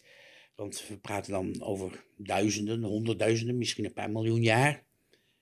Dat kan niemand bevatten wat dat is. Hè. Tien jaar geleden weten we nog, vijftig jaar geleden. We kunnen de tijd van Rembrandt, hè, 17e Net eeuw, aanraken, ja. nog. Maar moet je je voorstellen dat we het hebben over 10.000 jaar geleden, of over 30.000 jaar geleden, dat de Noordzee geen zee was. Ja. Hè, dat dat kunnen we eigenlijk niet bevatten. Dan moet je nagaan, jongen. kort, Ja, 30 2000, weet je wel. Vanaf, Ja. vanaf Ja. Christus tot nu, 2000 jaar. Fucking lang. Fucking lang. Dat keer vijf. Ja, Dan zit je pas op 10. Ja. Weet je wel? En dan, en dan moet je nog 100 keer om in de buurt te komen van. Nee, Jezus. ja dat is niet te doen. Dat, dat, Ja, dat is, maar ja, ik denk dat het aan de andere kant ook heel ontnuchterend is soms om dat wel eens te doen. Ja, eh, Salomon Kronenberg, dat is een eh, eh, eh, wetenschapper, gepensioneerd, was hoogleraar. En dat is dan een van de mensen die eh, ook strijdt tegen eh, ja, al die klimaatskeptici. Die heeft daar een heel mooi boek over geschreven en dat heet De Menselijke Maat. En dat zou eigenlijk iedereen eens moeten lezen. Dan zie je hoe snel iets kan gaan en wat wij wel kunnen bevatten en wat wij niet kunnen bevatten. En ik probeer dat altijd uit te beelden door te zeggen van als ik hier nu een koffer neerleg met 10 miljoen euro erin en jij mag dat straks mee naar huis nemen, dan is het van jou. Maar je moet het wel naar huis dragen. Dan kan ik nu al voorspellen dat je dat niet voor elkaar krijgt, want dat is zo ongelooflijk zwaar. Dat kun je niet beuren. Hmm. Ja, dus dat is de menselijke maat. Ja. Want een miljoen, heb je enig idee hoeveel dat is? Een miljoen in briefjes valt wel mee. Nee, dat valt ook nog niet mee. Maar in jouw geval doen we het in kwartjes. Het Maar ik heb volgens mij wel eens gezien een keer zo'n serie waar ze waar een casino-medewerker er met een half miljoen van door was gaan. En volgens mij kon je dat met een paar pakken van biljetten kon je dat al redelijk. eh, Ja, maar eh, dan, dan, eh, het probleem is, welke biljetten neem je dan? Hè? Want we hebben Ah, 5 oké. euro biljetten Ja, ja, en oké. 500 euro biljetten. Ja. En ik weet niet in het casino welke biljetten ze daar het meest Ik het hanteren. niet, maar- maar 500 euro, dat krijg je bijna nergens. Ik had trouwens het idee dat het eruit zou gaan, maar dat even tezijde. Ik heb eh, iets anders. eh, ik heb iets moois. eh jij hebt me aangestoken met het virus. Ja. En eh, jarenlang heb ik al geroepen, eh, hè, als ik een keer het geld en de tijd en de ruimte heb en het komt op me af, dan, eh, dan koop ik een keer een, een mammoet slagtand. Aha, ik ben heel nieuwsgierig. Dus zover. En ehm, ik heb deze met kundige, vakkundige hulp van ehm, Peter Bakker, Stones and Bones. Kan zijn. .nl. Daar, daar heb ik hem van mogen overnemen. En ik ga hem gewoon eventjes... Hier hebben jullie jongens, voor degenen die de video hebben, zit er een mooi kaartje bij. Ik ga hem gewoon eens even aan jou geven. En laat jou er even op los wat dit ding allemaal is en wat het doet. Het is een, eh, de mammoet van... Het, ja, het is een babyslagtand, hè? Een, eh, Nou, baby, baby niet. Nee, dit is toch wel een, een, een jeugdig individu geweest. Want als we het over babyslagtanden hebben, dan praten we over eh slagtandjes ter grootte met een lengte van een sigaret en ook de dikte daarvan. Maar het is Ah, niet een stuk hout. Ik zei, je hebt een stuk hout gekocht. Nee, nee, nee, nee, absoluut niet. dit is een eh, stuk slagtand van een mammoet. Het is een fragment. Eh, dit is naar de punt toe. mhm. En dit is naar de pulpenholte. Dit is het deel wat hier in de schedel zit. Hiervoor is ongeveer zo'n 20 centimeter af. En hierachter zo'n zo'n 40 centimeter af. Dus hij zal een meter groot geweest zijn. ja. Het is een, een linkerslagtand, kan ik zien. Want de binnenzijde, dat is hier. Dat is enigszins recht. En dan hiernaast meer mooi ovaal. Eh linkerslagtand. En als ik er zo naar kijk... dan moet dat van een vrouwelijk individu. Van een mammoetkoe geweest zijn. Maar nog een jong beest. Die, die van een jaar of 10, 12 oud. Op het moment dat hij stierf. En het is puur ivoor natuurlijk. Het is niet versteend. Maar het is heel kenmerkend. Wolhaag mammoet, waar komt hij vandaan? Uit, Niet, in de, niet uit de zee. Nee, uit Deest. Dan weet ik niet waar Deest ligt. Een plas is die... eh, Ja, ja, waarschijnlijk opgebaggerd, ja. Maar dat is echt mammoet, ja. Heb je je eerste mammoet? Ja, te gek, hè? Ja. ja. Deze ligt bij eh Wolferen, Druten. Ah ja, in, de- Betuwe is dat, ja, ja. Ja, Ja, daar zijn heel veel infrastructurele baggerwerkzaamheden geweest. Ja. Daar werd heel veel gebaggerd in het verleden. Deze is opgebaggerd in 2003, staat op het label. Eh, ja, daar besteedde niemand aandacht aan. is maar een fragment en dat werd dan vaak weggegooid. Maar dat is natuurlijk doodzonde. Maar je hebt hier echt een stuk mammoet en dat zal ergens rond 30, 40.000 jaar oud zijn. wauw. Van een beest wat hier rondgebanjeerd heeft. Ongelooflijk. En dan waarschijnlijk, want we hebben het over een vrouwelijk individu, een mammoetkoe, in een kudde. We weten dat mammoetkuddes, dat weten we zeker, minimaal 33 individuen kan omvatten, omdat we een keer een complete mammoetkudde opgegraven hebben ten zuidoosten van Moskou. En dat waren 33 individu- minimaal 33 individuen. Hè, dus die hebben in grote kuddes rondgelopen en zo. Ja. Waar stuk. gebruiken vrouwtjes deze slagtanden voor? Voor een man kan ik het me voorstellen. Eh, vechten, Ja, eh, zeg maar seksuele onderscheiding misschien. dat is het vooral. Hè. Eh, Het is, eh, kijk, mammoeten zijn olifanten. Hè. Die worden alleen door ons mammoeten genoemd. En we weten niet alleen hoe groot ze geweest zijn. Er is een heel groot seksueel dimorfisme. De mannetjes blijven hun leven lang doorgroeien. Kunnen een schouderhoogte van ruim drie meter behalen. Terwijl de vrouwelijke individuen, als ze zo geslachtsrijp zijn, ergens rond de 15 jaar. En ze worden drachtig, dan stopt de grote toename. Dus die blijven altijd klein. Die hebben een gemiddelde schouderhoogte van zo'n 2,40 meter, 2,60 meter. En houdt het eigenlijk wel op. Er zijn altijd uitzonderingen die de regel bevestigen. Die mannetjes, doordat ze hun leven lang blijven doorgroeien, die ontwikkelen van die hele grote spiraalvormige gekulde slagtanden die soms elkaar weer kruisen. Ja. Dat doen de koeien niet. Die hebben altijd hele slanke slagtanden. Overigens, dat kan ik hier wel verklappen. We hebben onlangs een eh, fragment van een slagtand opgevist, ruim twee meter lang, langs de grootste kromming gemeten, dus de onderzijde. En die heeft een omtrek van 66 centimeter. Dat stuk slagtand, opgevist van de bodem van de Noordzee, heeft een gewicht van eh, eh, 86,2 kilo. Maar is niet compleet. Als hij helemaal compleet zou geweest zijn, dan zou hij meer dan 100 kilo gewogen, zo'n 120 kilo gewogen hebben. En daar heeft het beest er dan twee van. Jezus, stel je voor dat Maar- John kiezen 100 kilo. Ja, maar een omtrek van 66 centimeter, dat is echt zo'n omvang. En dat is net opgemeten door een Belgische onderzoeker. Die maakt, er een, die maakt een publicatie over Big Tuskers, olifant in Afrika en in Azië. En die heb ik dit stuk, twee weken geleden heb ik dit getoond op Urk, waar we een grote opslag hebben van al die resten. En die was helemaal lyrisch. En die vroeg of hij daar wat foto's van mocht nemen en of hij het mocht opmeten en dan op mocht nemen in zijn boek over die Big Tuskers. Dus dat komt volgend jaar uit om aan te geven, één, de Noordzee is heel belangrijk, maar ook hoe gigantisch groot die stieren zouden kunnen zijn geweest. Monsterlijk. Waar hebben die olifanten nu die slagtanden voor? Die slagtanden, moet je weten, dat zijn niets anders dan verlengde snijtanden. Die snijtanden die eh, groeien normaal gesproken naar beneden. Dat is bij mammoeten ook. Ze komen uit de schedel naar beneden, dan iets naar buiten. Dan heel langzaam maar zeker draaien ze weer naar binnen en omhoog. En dan kruisen ze elkaar. Bij olifanten in Afrika, dat loofeters zijn, die hebben slagtanden die groeien als het ware kaarsrecht naar beneden. Klein beetje gebogen. Die worden gebruikt om eh, voedsel te vergaren. Want ze willen immers het lekkerste van de loof, dat zit boven in de kruin van de bomen, dat willen ze weghalen met een slurf. Kunnen ze er niet meer bij. Dan gebruiken ze hun slagtanden als hefboom. Gaan ze zitten woelen tussen de wortels en dan knikken ze met hun lichaam die boom om en dan kunnen ze toch nog bij de kruin komen om het lekkerste weg te halen. Maar heel belangrijk, het is natuurlijk aan te geven van, hé, hey, ik ben het grootst, ik ben een leider, ik ga de paring doen vandaag. En dat zie je eh, in, bij Afrikaanse olifanten.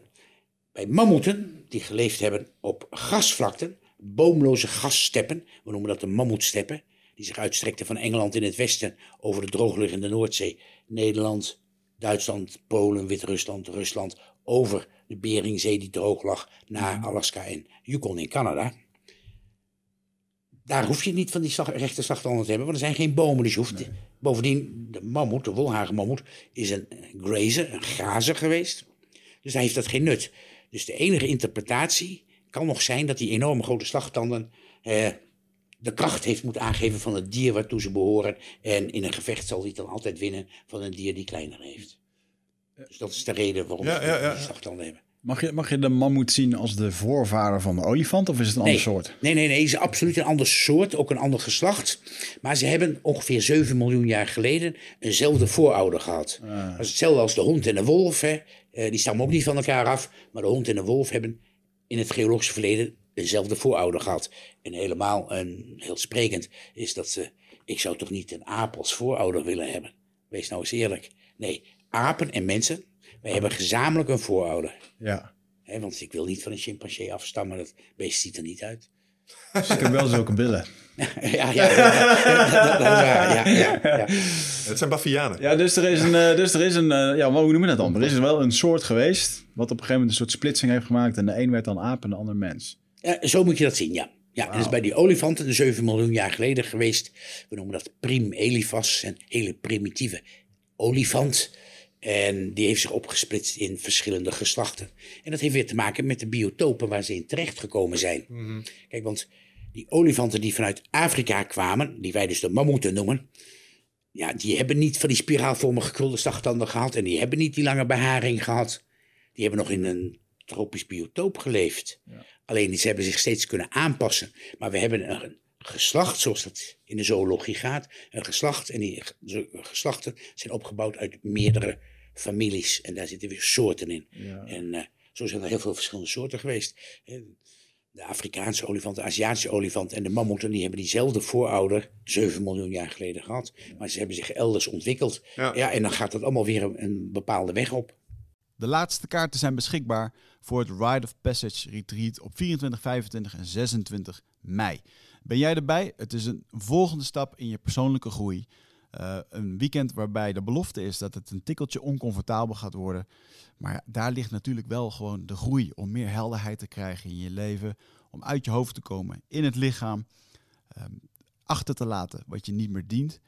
En om echt de volgende stap te maken door de oude patronen te doorbreken, te doorzien, te doorvoelen en, en te helen. En daarvoor wil ik je heel graag uitnodigen.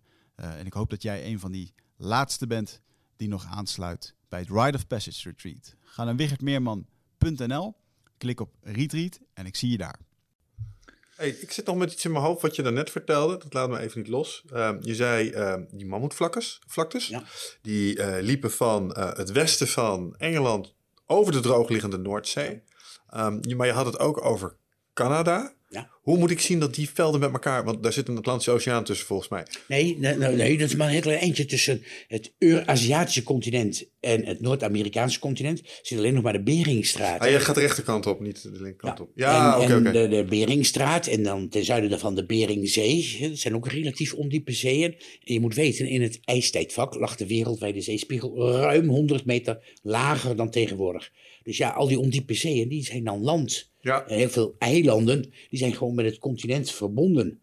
Alleen doordat eh, aan het eind van het ijstijdvak die dramatische klimaatsveranderingen, daar heb je ze weer, treden op. Dan gaat het landijs, want heel veel water lag opgesloten in de vorm van ijs op het land, kilometers hoog. Ja. Dat is gaan smelten. En heel langzaam maar zeker heeft dat smeltwater laaggelegen gebieden opgevuld. En zo is wereldwijd de zeespiegel ruim 100 meter gestegen. Ja. En pas 8000 jaar geleden, toen heeft de huidige Noordzee zijn stand bereikt. Sinds 8000 jaar kun je eigenlijk stellen dat de Britse eilanden voor het eerst eilanden zijn. Want daarvoor zijn ze gewoon verbonden met het continent. En dan zie je dat de evolutie heel snel gaat. Want de Engelsen die zijn toch anders dan wij? Zijn veel luidruchtiger, zijn veel brutaler, zijn veel onbeschofter, veel ordinairder, ben ik van mening. Jij werkt op Schiphol, dus jij kunt weten. Dan ga een weekendje naar Amsterdam, dan kom je ze tegen. Ja. Dus ja, het is maar 8000 jaar dat ze zich zo hebben kunnen ontwikkelen. Ze hebben Ja. niet dat fatsoen wat wij hebben. ja. Le- Leefden de mensen op het moment dat dit gebeurde? Uh, Ook in die gebieden? Dus waren het dorpjes uh, waar nu de Noordzee was, waar plots de, van hé, hey, wat de fuck, is, is, dit is zout water? Wat, wat doet dat hier? Nou, het is natuurlijk langzaam. eh, Het is niet even dat het in één keer het water is. Hè. Je moet het zo zien, het wordt langzaam maar zeker drassig. Hoe heeft het eruit gezien, dat we zeggen 100.000 jaar geleden? Dan zitten we echt in de ijstijdvak, in het laatste deel van het Pleistoceen. En dan is het één grote, koude, droge, bijna boomloze gasvlakte geweest. Maar de Noordzee, althans de huidige zuidelijke bocht van de Noordzee, dat is dan een laagvlakte tussen enerzijds de Britse eilanden en het continent van Europa.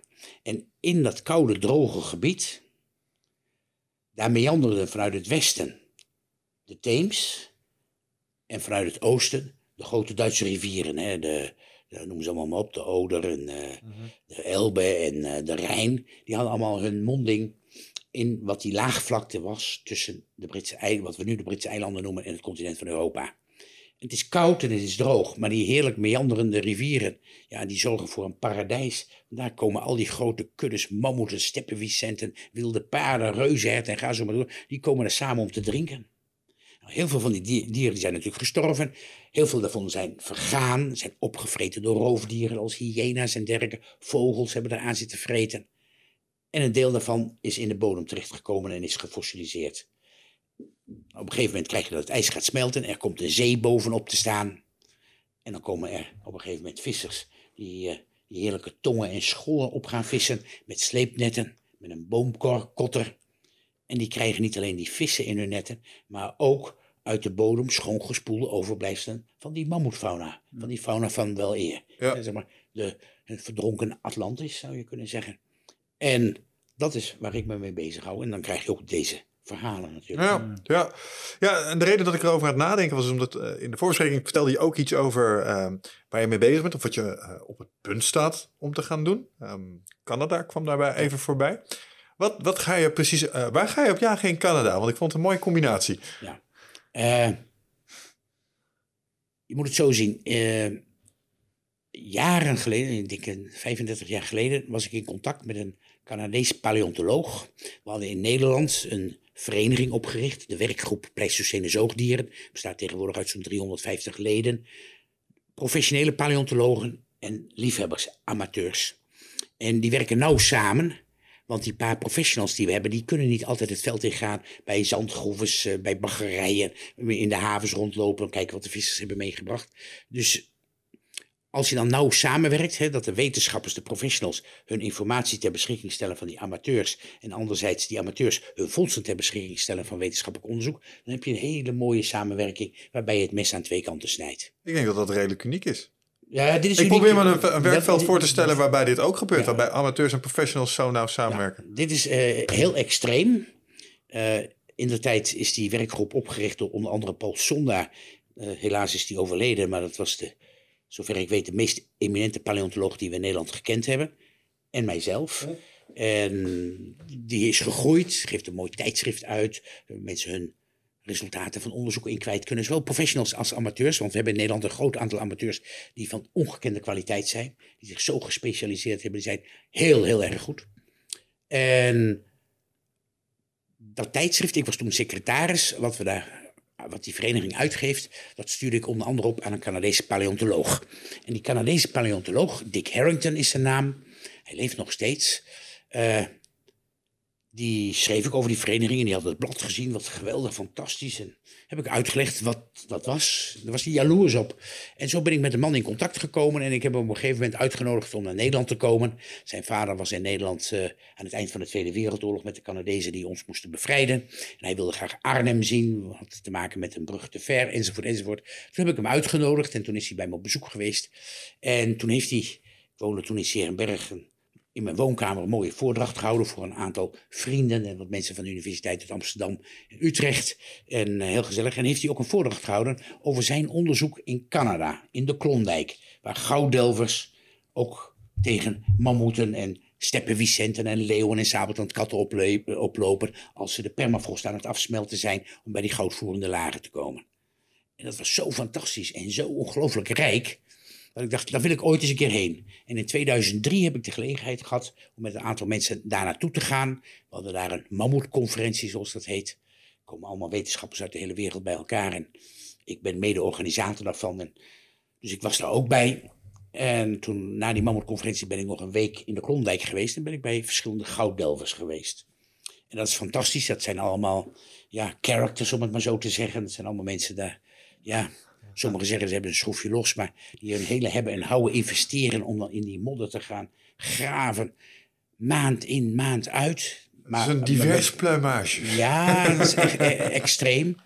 Eh, en eh, Wat is dat anders dan wat jij eh, dan doet? Want jij bent ook wel toch extreem. Maar... ik ben ook extreem. Jij gaat ook met een veun in Siberië Ja, maar ik doe het niet voor het geld. ik doe het niet voor het geld. Zij doen het voor het geld. hè. Kijk, hun, eh, eh, hen gaat het er uitsluitend om om bij die goudvoerende lagen te komen. Ah, Oké, goud. Ja, goud. Daar gaat het om. Ja, ja, En eh, daar, wordt, daar wordt gigantisch veel equipment voor ingezet. Ja, ja, ja. Het zijn Dat miljoenen businessen. Gold Rush een beetje voorbij was daar in dat Nee, Klondijk. oh, oh, dat floreert als nooit tevoren. Oh, wauw. Ja, gigant, op enorme grote schaal. Hmm. En eh, daar zetten ze de hele aarde voor om. Er zit ook een hele ja, een beetje droevige laag omheen om dat goud zoeken en zo. Je ziet wel eens van die films en zo waar dat dan in wordt geportretteerd en dat mensen Oh, ja, echt, ja. echt goudziek. eh ja, Goudkoorts. Goudkoorts. Goudkoorts is een ding. Ja, ja. Echt een ding, ja. Ja. Eh, het kan ook heel veel geld waard zijn. Maar goed, de- deze gouddelvers die doen het. Ik, heb, ik heb, ben dan daar geweest, ik heb ze bezocht. Ik ben met sommigen bevriend geraakt. Ook uitgenodigd om naar Nederland te komen. Want ze werken natuurlijk niet in de winter. Hè, want eh, het begint er nu te sneeuwen, hè, september. En dan is het goudseizoen voorbij. En dan volgend jaar april beginnen ze weer opnieuw. En dan in de winter dan, eh, dan reizen ze veel, weet ik. En zo ben ik met die mensen in contact gekomen. En ik vond dan die samenwerking die de paleontologen in de Yukon hebben. Het zijn er maar heel weinig. Met die gouddelvers. Die hebben een enorme mooie samenwerking. Zoals wij dat hier in Nederland met de vissers hebben. Maar ik werk ook nog in Griekenland. En dan werk ik met schaapsherders samen. Die met schapen de heuvels intrekken en de prachtigste fossielen tegenkomen. En dan s'avonds bij je komen van kijk eens wat ik gevonden heb. En dan hebben, gaan we de volgende dag gaan we met ze mee waar ze het gevonden hebben. En dan blijkt in één keer dat er een halve mastodont ligt met slagtanden van vijf meter lengte.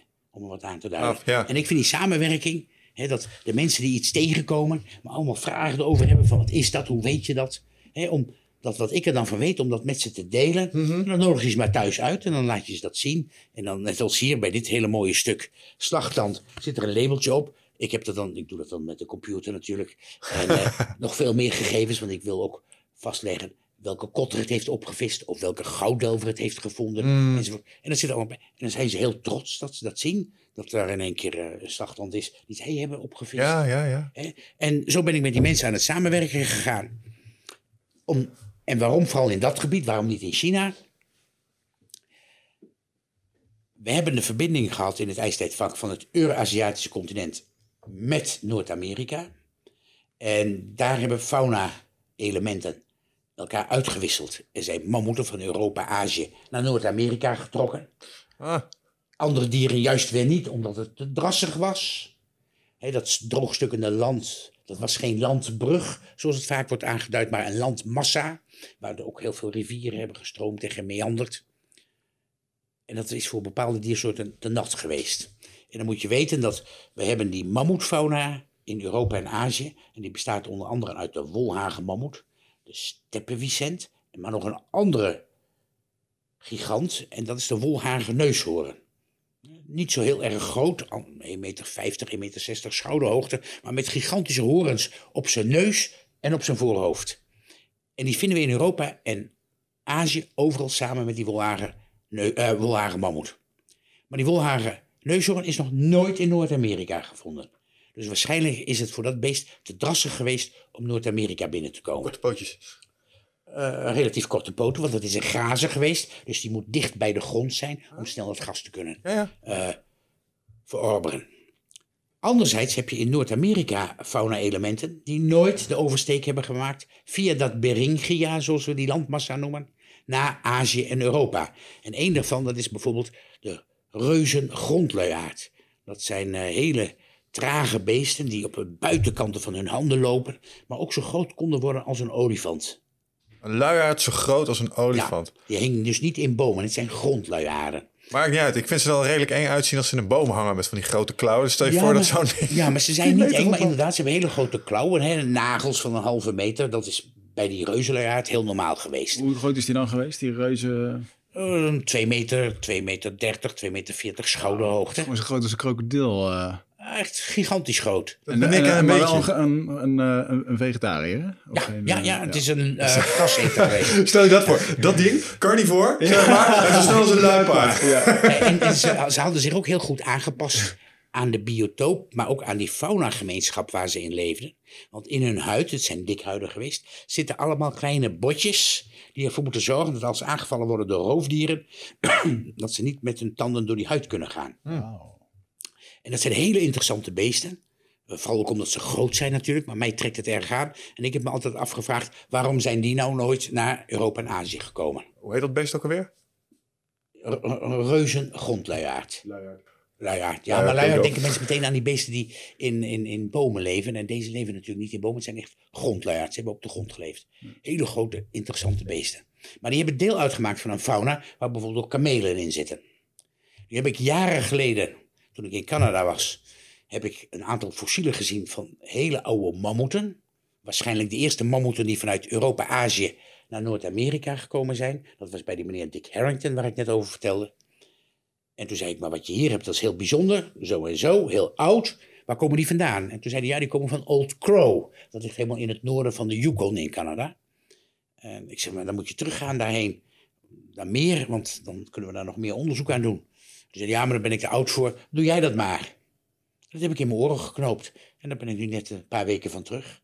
zijn we opnieuw met de Duitse televisie als sponsor, zeg maar. En die wilde dit graag opnemen. Zijn we daar op fossiele jacht gegaan. Ja. En dan werk ik samen met de staatspaleontoloog uit Canada, die overigens in november een week naar Nederland komt om hier wat voordrachten te geven bij verenigingen en dergelijke. We hebben ook een mammoet symposium in Dendermonde georganiseerd in België. En daar is hij dan de keynote speaker. Maar hij heeft net gisteren zijn ticket gekocht, weet ik.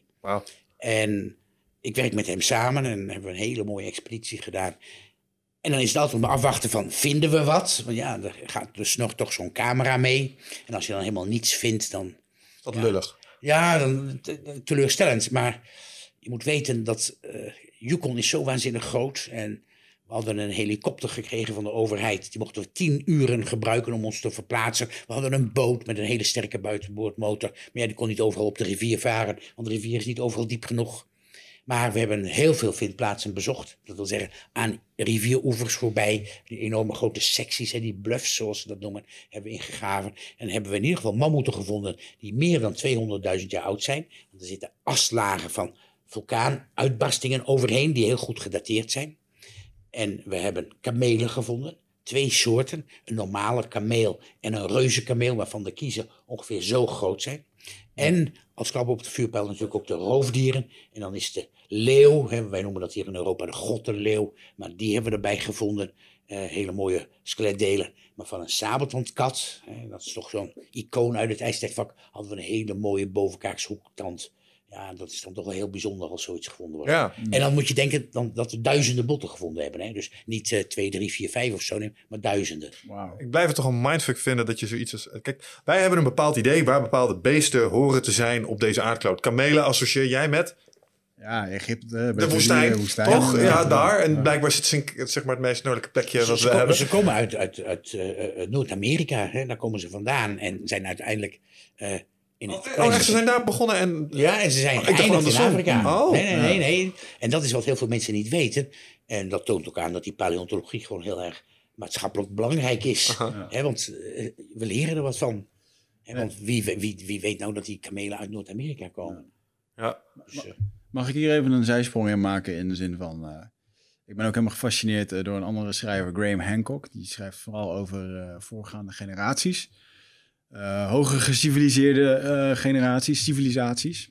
Waar de Egyptenaren ook een rol in spelen. Komt dat wel eens op jouw pad? Eh, dat de conversatie, de piramides, waren ja, die komen heel af en toe komen die eens om de hoek kijken. Er is, toen in 1992 de mammoeten van Wrangell Island in de Arctische Oceaan ontdekt werden. Die geologisch gesproken gisteren nog geleefd hebben. Hè, een datering, eh, de jongsten van 3700 jaar, dus 2000 jaar voor Christus. Het moment dat de farao's hun piramides aan het bouwen waren. En dat wordt dan heel vaak in zo'n mooie zin gebruikt.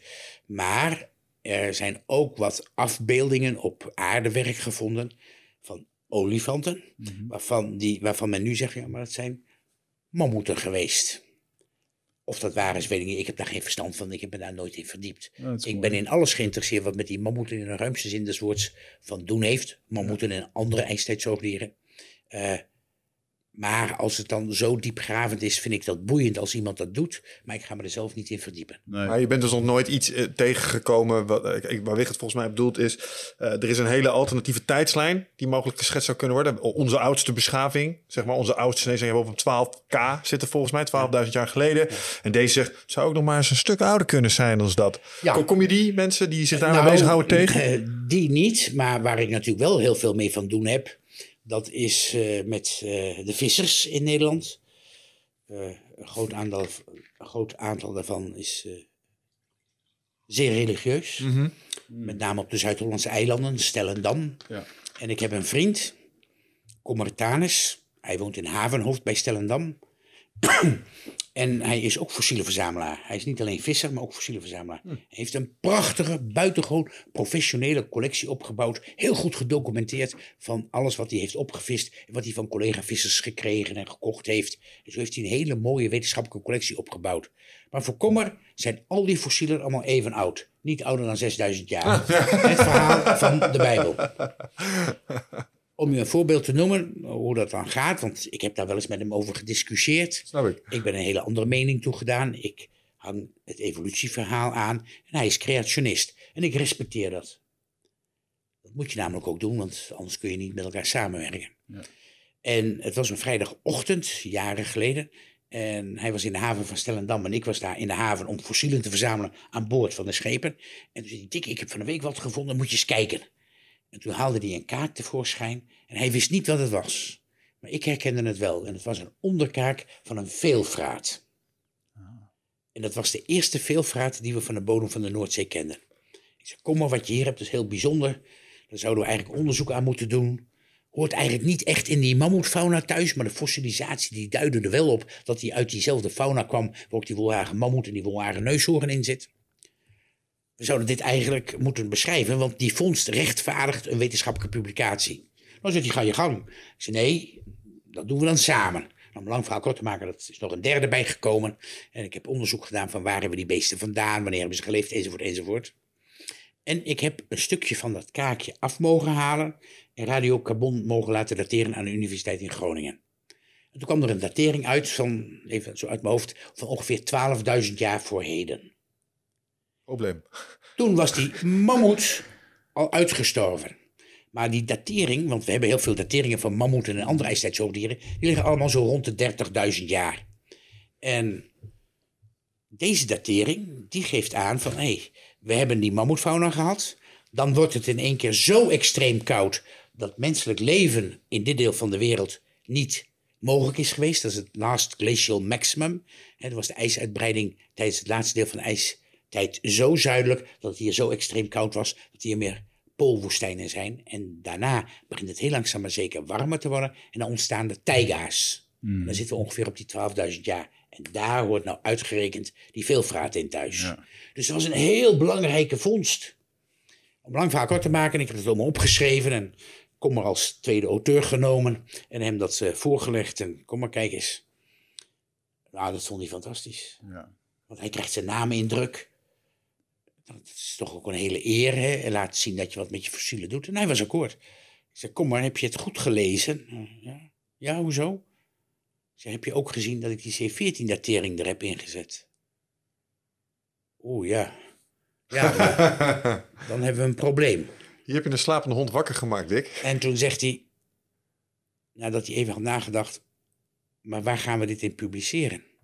En toen heb ik tegen hem gezegd, dat gaat in het tijdschrift Cranium van die werkgroep Pleistocene zoogdieren.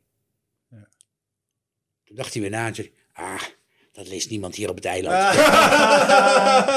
dat is waar gebeurd. Ja, maar luister wel naar eindbazen, dus hij heeft bij deze een probleem. Ik vorige keer ook in de podcast wel uh, verteld, ja, dit verhaal. Ik, ik, ik, ik ken dit verhaal. Ja. ja, want ik, heb, ik vertel het meestal wel en Kommer weet dat ook. Dat, uh, ik respecteer hem nog zeer. En uh, hij respecteert mij ook, dat ja, weet ik. Het klonk nieuw voor mij. Maar het, het laat toch ook wel zien dat er binnen jullie gemeenschap... Ehm, nou, noodzakelijk niet altijd alle neuzen dezelfde kant oh, absoluut opstaan. Nee, zit, dat vind ik altijd wel interessant om te kijken waar bij specialisten, in de natuurkunde heb je dat ook. Hè? Dan heb je de kwantummechanisten en dan heb je de dark matter gasten. Die moeten elkaar dan ergens vinden. Dat lukt dan niet, maar ze hebben het allemaal over hetzelfde. Maar wat zijn bij jullie die, die onderwerpen? Waar ligt de controverse een beetje momenteel? Uh, toch uh, de hoofdoorzaak van het uitsterven. Is het nu de dramatische klimaatveranderingen? Of is het een overkill? Of is het overil? Of is het een combinatie daarvan? Mhm. En iedere keer uh, daar duikt dat weer op. Dat enerzijds. En anderzijds natuurlijk het klonen. Mm. De wolhagen mammoet, ja, dat, die heeft een hoge aaibaarheidsfactor. En de idee is dat DNA, wat bewaard is gebleven, dat dat in de botten niet zo goed is. En in de zachte delen, de huid, de haren, het vet, de merg, Mhm. Dat het daar heel goed bewaard is gebleven. En toen ik in 1997 in Siberië begon te werken aan een mammoet die we daar uit de permafrost gehaald hebben, toen heb ik een team opgebouwd van allemaal wetenschappers uit de hele wereld. En een daarvan die was vooral geïnteresseerd in DNA-onderzoek. Met doel om die mammoet te gaan klonen. Ik had het gevoel dat dat onmogelijk zou zijn. En ik ben er ook op tegen. Maar ik ben er niet op tegen dat er onderzoek wordt gedaan aan hoe compleet is dat DNA overgeleverd. Want dat is mhm. wetenschappelijk onderzoek. Waarom ben je tegen het klonen? Uh, dat ga ik je zo meteen uitleggen. Want dat is namelijk de controverse. Van moeten we dat beest wel klonen of niet? En de een zegt van ja, we moeten het wel. Want ik ben een aanhanger van de theorie dat de overkill, dat de mens de mammoeten heeft doen uitsterven, dan heeft de mens ook de verantwoording om het beest weer terug te brengen. Alleen ik ben een aanhanger van die dramatische klimaatsveranderingen als hoofdoorzaak van het uitsterven. Ja. Ze zijn met een reden uitgestorven. Hun biotoop, die koude, droge, boomloze mammoetsteppe is wereldwijd verdwenen. Waarom moeten we die mammoet dan weer gaan terugbrengen? Want dan zetten we hem in een biotoop waar die zich niet kan... We kunnen beter onze eigen olifant beschermen eerst, voordat we nieuwe Ja. olifanten neerzetten. Ja, Oké, maar de- als dat de discussie is om hem echt weer te herintroduceren in ons Ja. ecosystemen, dan zou ik zeggen, nee, dat is een dom idee. Maar zo'n ding klonen omwille van het klonen, zodat we er één hebben. Dus nou zit je hem in een dierentuin, zo van, hé, hey, wij kunnen dit. Daar zou ik niet op tegen zijn. Eh, dat beest hoort hier niet, want de biotoop waar die in thuis hoort... Die, het beest is met een reden uitgestorven. Dat is waar. Dus als hij met een reden uitgestorven is, waarom moeten we dan al die moeite gaan doen om het beest terug te brengen? Want je brengt zo'n beest, het beest moet vreselijk zielig zijn als hij daar in zo'n kooi in achter staat. Maar dit is hetzelfde verhaal als wie gaat er het eerste naar de maan? Eh, wie gaat toch het eerste man moet klonen? Nou, dat, dat is het. Het zijn vooral eh, Aziaten, Japanners, Koreanen die hier druk mee bezig zijn. En iedere keer zie je weer dat onze Russische collega's een nieuwe mammoet gevonden hebben, want die worden heel veel gevonden. Ja, Siberius. En eh, tide, hè? dat wordt gewoon gedoseerd van, nou, we hebben dit en dit, maar dat gaan we nu nog niet doen, want we gaan eerst die doen en dan die. En dan daarna gaan we weer naar buiten brengen dat we iets nieuws gevonden hebben. En, weet je, er zijn altijd die mammoeten geweest, maar in al die jaren dat men heel actief bezig is om dat te verzamelen, er zijn complete kadavers van paarden gevonden, van steppenwicenten, van elanden, van steppenwicenten, van neushoorns, helemaal compleet. hebben we bijna alles van die beesten. Dus ja, mijn doel is van, hé, ik heb hier botten. Kan ik van die botten zeggen hoe groot dat beest geweest is, hoe die er ongeveer uit heeft gezien? Dan kan ik op basis van die botten. Zeker kan ik zeggen, hij is zo groot geweest. Nou wil ik ook nog weten van, ja, wat is dan het uiterlijk geweest? Bij die dino's moet je heel veel fantasie hebben, heb ik daar straks gezegd. Maar bij die mammoeten en bij die neushoorns en die wilde paarden, daar hebben we die kadavers uit de permafrost. Ja. En die geven natuurlijk, ja, dan loopt het water in je mond als je dat ziet. Want die geven al het, alle informatie over het uiterlijk. Ja. Zo weten wij dat de wolharige mammoet hele lange haren heeft gehad. We weten dat hij maar hele kleine oren heeft gehad. Hè, want ik heb een compleet oor van een mammoet gevonden, nog aan de kop. En dat meet maar 30,7 centimeter, 31 centimeter. Hoogte, dus van boven naar beneden of van beneden naar boven gemeten. Hetzelfde als Michel. Dat is een vijfde van de lengte van een oor van een Afrikaanse olifant. En als je dan gaat kijken naar het ooroppervlak, en je vergelijkt het met een Afrikaanse olifant, dan zie je dat het 22 keer zo klein is. Dat is nou typisch een aanpassing aan de koude biotoop geweest. Ik wou net zeggen, volgens mij heb het hier, staat me wel iets van bij. Dat had te maken met warmteafvoer, volgens mij. Ja, het bloed wat bij recente olifanten, dat is onderzocht, bloed wat door middel van het hart in de bloedbaan van het oor gepompt wordt en dan die hele baan aflegt, dat duurt 20 minuten, dan is het 5 graden afgekoeld. Dus de oren van een slurfdrager, mammoeten, maar ook bij olifanten in Afrika en Azië, is niets anders dan een radiator van je auto. Hmm, ja. Het zorgt voor, het zorgt voor eh, eh, warmteverlies. ja. En, Even terug naar dat haar in dat kader. Ik zit hier al de hele tijd tegen een, eh, een mooie Tupperware bak aan te kijken. Ja, ja, ja. Waar volgens mij wat van dit soort dingen in zit, of niet? Ja, ik heb hier een- een monster meegenomen van mammoetharen. Hè. Dat, dat is altijd leuk. Ook kinderen vinden het altijd boeiend om te zien. De Michel ook. Ik wou net zeggen, 39-jarige Michel ook hoor. nee, nee, maar als ik, voor, ik hou ook wel eens voordrachten voor kinderen op school en zo. En dat, is hele, dat gaat over fossielen. Wat zijn fossielen? Versteende overblijfselen van planten en dieren. En dan laat ik een T-rex zien en dit en dat. En dan vervolgens neem ik ze mee op expeditie. Dan gaan we vissen naar mammoeten. En dan gaan we kijken of wat ze in Ice Age 1, 2, 3, 4 en 5 te zien krijgen allemaal wel goed is. En dan komen ze tot de conclusie dat het helemaal niet goed is wat daarin afgebeeld is. En die fossielen die hier in deze Tupperwarebak zitten, dat zijn mammoetharen. Dat zijn helemaal geen versteende overblijfselen van planten of dieren. Nee, dit is haar van een mammoet, dat zoals dat beest doodgegaan is. En nou zijn deze zijn gewassen, want je moet het zo zien, dat zijn haren met een lengte tot ongeveer, de kortste zijn zo'n 12 centimeter en dan lopen ze uit tot 1,20 meter. Dat is één groot vangnet geweest van het koude, droge biotoop waar ze geleefd hebben. Die hebben daar rondgebanjerd op zo'n droge gasvlakte. Daar zijn allemaal zaadjes van planten ingekomen, insecten enzovoort enzovoort. En mijn vriend Bas van Geel, een paleo-ecoloog aan de Universiteit van Amsterdam, die heeft daar onderzoek aan gedaan. Die heeft al die micro-organismen eruit gewassen en onderzocht. Zodat we heel veel weten over de biotoop van die mammoet. Wat heeft er gegroeid? welke insecten waren er, enzovoort, enzovoort, enzovoort. Dus het was gewoon een heel ecosysteem van andere dieren eigenlijk. Jazeker. En vervolgens bewaar, is dat weer gedroogd. Maar als ik die bak nou open doe en je houdt hem onder je neus, dan kun je ruiken hoe een mammoet ruikt. Cool. Dus, eh, ga Let's je do gewoon- it. We doen hem open en dan ruiken maar. Je kunt er gewoon aan, aan een papiertje, dat zijn de gegevens. En dan ruiken maar aan. Zo ziet de huid van een mammoet eraan. Nou, dames en heren. Ik ruik het zelfs hier. Oh jee, Ja. dat valt mee. Nou, ik had eh, het, is- ja. het, is niet, het is niet smerig, maar, maar, en dit is al gewassen. Hè? Ja, Maar ja, je dat neem ik mee Dit weer, kwam ja. tevoorschijn toen ik eh, die mammoet in Siberië aan het ontdooien was met haardrogers. En dat leverde natuurlijk eh, ja, hele mooie eh, televisie op. Hè? Mag ik het aanraken? Ja, ja, ja, ja, ja, ja, ja. ja. Haal het mee te omhoog, dan kan hij het op de foto zetten. Dat, eh. Mijn nieuwe pruik is er. Je baard. Ja. Wauw. Voelt stug.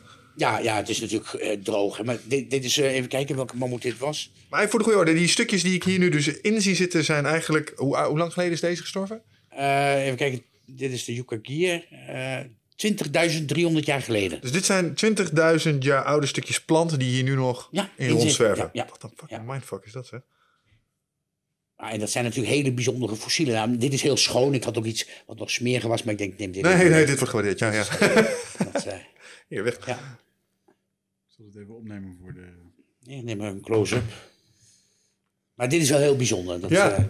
eh, en eh Hoe is dit nou bewaard gebleven? Gewoon omdat die mammoet... gemummificeerd. Ah, ja, Je moet het zo zien, toen die beesten dood zijn gegaan, het was koud en droog, zo koud en droog, dat de bacteriën die het rottingsproces op gang moeten brengen, hun werk niet kunnen doen. En dan mummificeert het. En als zo'n mammoet dan in een depressie in het landschap ligt, koud en droog, dan ligt daar een soort fietsenzadel. Als het dan plotseling zo gaat stortregenen, zoals het hier vanmiddag in Apkoude heeft gedaan, krijg je dat eh, zo'n kadaver, hè, zo'n gemummificeerd kadaver, overspoeld wordt met modderstromen, want het ligt immers in een depressie. Dat vriest in tot de dag van vandaag. En dan komt er een rivier en die snijdt dat heel langzaam maar zeker aan. En dan komt er een mammoet tevoorschijn. Ja, en dan... Het eh, ruikt, het ruikt wel heel erg naar gewoon wild dier of zo. Ja. Ja. Ja, nou ja, ik, heb, eh, ik, ik heb het wel eens uit moeten leggen op de televisie.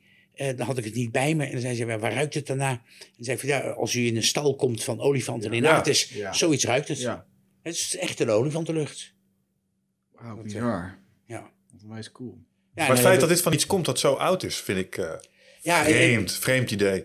Eh, ja, maar ja, als ik thuis mijn diepvries open doe, daar heb ik een stuk vlees van diezelfde mammoet in liggen. Eh, dat ik mee had genomen omdat niemand het wilde bewaren. Toen heb ik gezegd, van, dan, dan neem ik mijn eh, verantwoording en dan neem ik dat mee. Oké, wees eerlijk. Heb je het wel eens gebakken?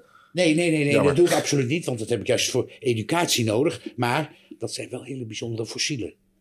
Ik ben nieuwsgierig, hè, hoe dat smaakt. Een hilarische scène bij jullie thuis rond de kerst. Schatje, waar is dat stuk vlees uit de diepvries? Wat bedoel je? Nee, maar het staat, Nou, eh, er staat keurig netjes op dat het eh Ja, biefstuk is van de mammoet. zou je het nog kunnen eh, Zou het eetbaar zijn? Of is het niet meer helemaal... Nee, nee, nee. Ik, ik zou dat niet, niet wagen. Niet aandurven. Wat, wat we wel een keer gedaan hebben, maar ik heb er uiteindelijk heb ik er niet aan meegedaan. Dat ik had uit verveling een dijbeen van een mammoet waar de gewrichten af waren. was wat verweerd. Heb ik uit verveling heb ik doorgezaagd om te kijken hoe dat er van binnen uitzag. Toen kwam ik binnenin en dat is zeg maar, deze, dit ovaal is het. Dan de buitenste rand is dat bruine van wat je hier ook hebt. Mhm. En dan vervolgens is dat bot is helemaal wit. En dan in het midden staat nog een merg. Oh. Oranjekleurig. Als je dat ligt, dan denk je daarvan er ligt een, een spiegelei sunny side up.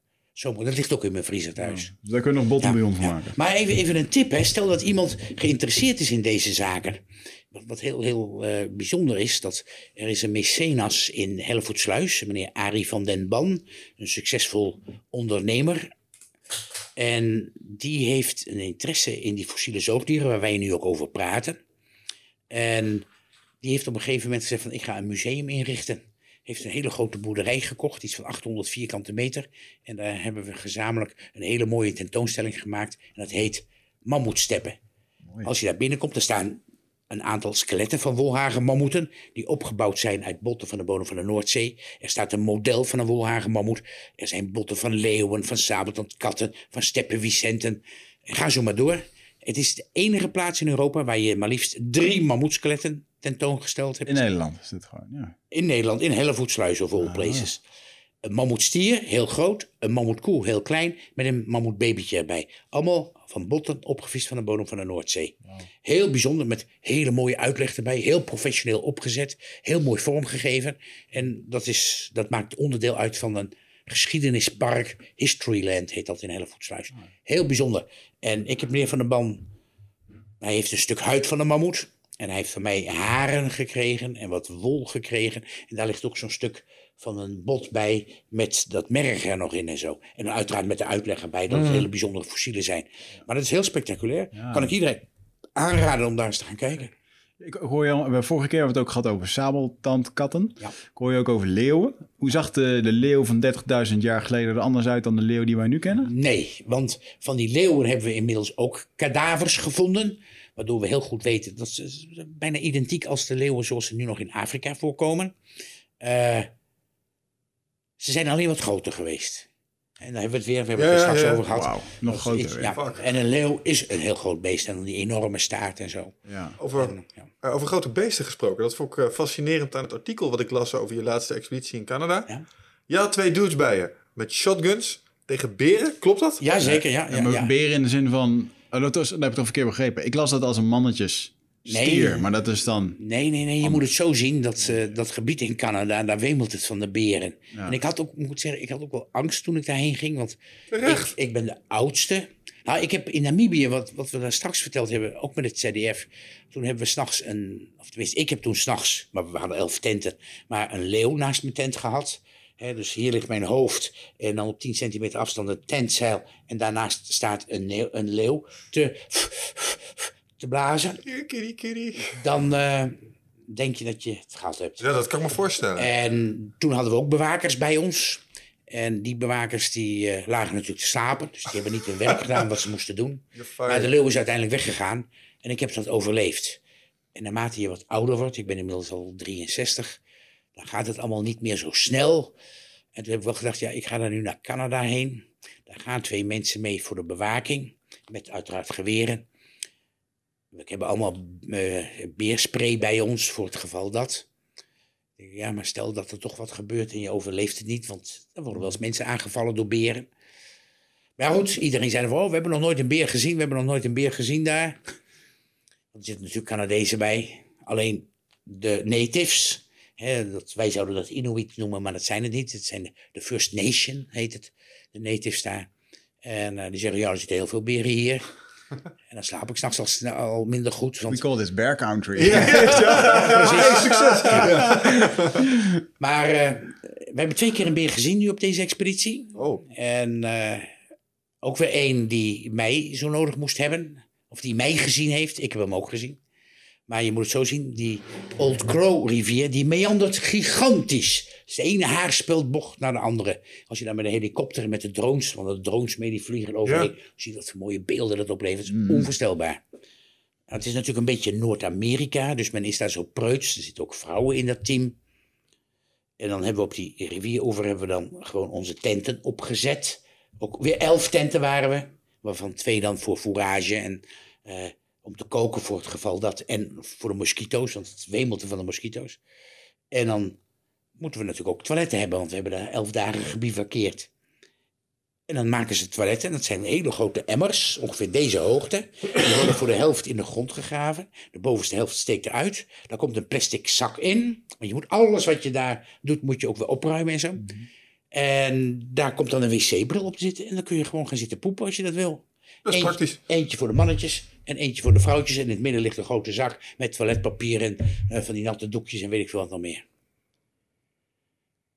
Het is daar dag en nacht licht. S'avonds om half twaalf lig je in je tent en dan schijnt de zon nog midden in je gezicht. Ja, ik sta altijd heel vroeg op. Ja, ik kijk niet op een horloge. Ik heb niet eens een horloge. En eh, ik had wel een wekker mee, maar ja, die heb ik dan niet zo staan dat ik op kan kijken. En dan moet je als oude man s'nachts natuurlijk je bed uit om te piezen. En ik denk, van, nou, hoe laat zou het zijn? Nou, ik ga maar snel je aankleden. Dat gaat in een tentje ook al zo lastig als je wat ouder bent en zo. En snel, en het moest, de druk is steeds hoger. En dan moet ik helemaal om die bocht heen lopen. Want stel dat iemand je zou zien. Ja, ja. Die wc's zijn net om de bocht gemaakt. En ik neem natuurlijk niet de beerspray mee. En ik daarheen en net om de bocht. Ik snel mijn broek naar beneden en ik daar gaan zitten. En dan begin je de rottigheid te bedenken. Hè. Stel dat er nu in één keer een beer aankomt. En ik kijk naar links, ongeveer om 50 meter afstand bij me vandaar. Wat komt er uit het struikgewas? Nee. Nou, en je kan niet meer, want je hebt rubberen laarzen aan. Je kan niet meer snel je broek omhoog doen en wegrennen. Want die zit tussen je knieën. Dus ik denk, oh, ik kan ook niet gaan schreeuwen, want dat horen ze niet. Gelukkig keek hij mijn kant op en zag hij, zou gedacht hebben, oeh, wat stink jij? En hij is weer gauw weggegaan. Maar ik zal je vertellen, als je dat overkomt, Ja. dan is aan de achterkant niet meer bruin wat eruit komt.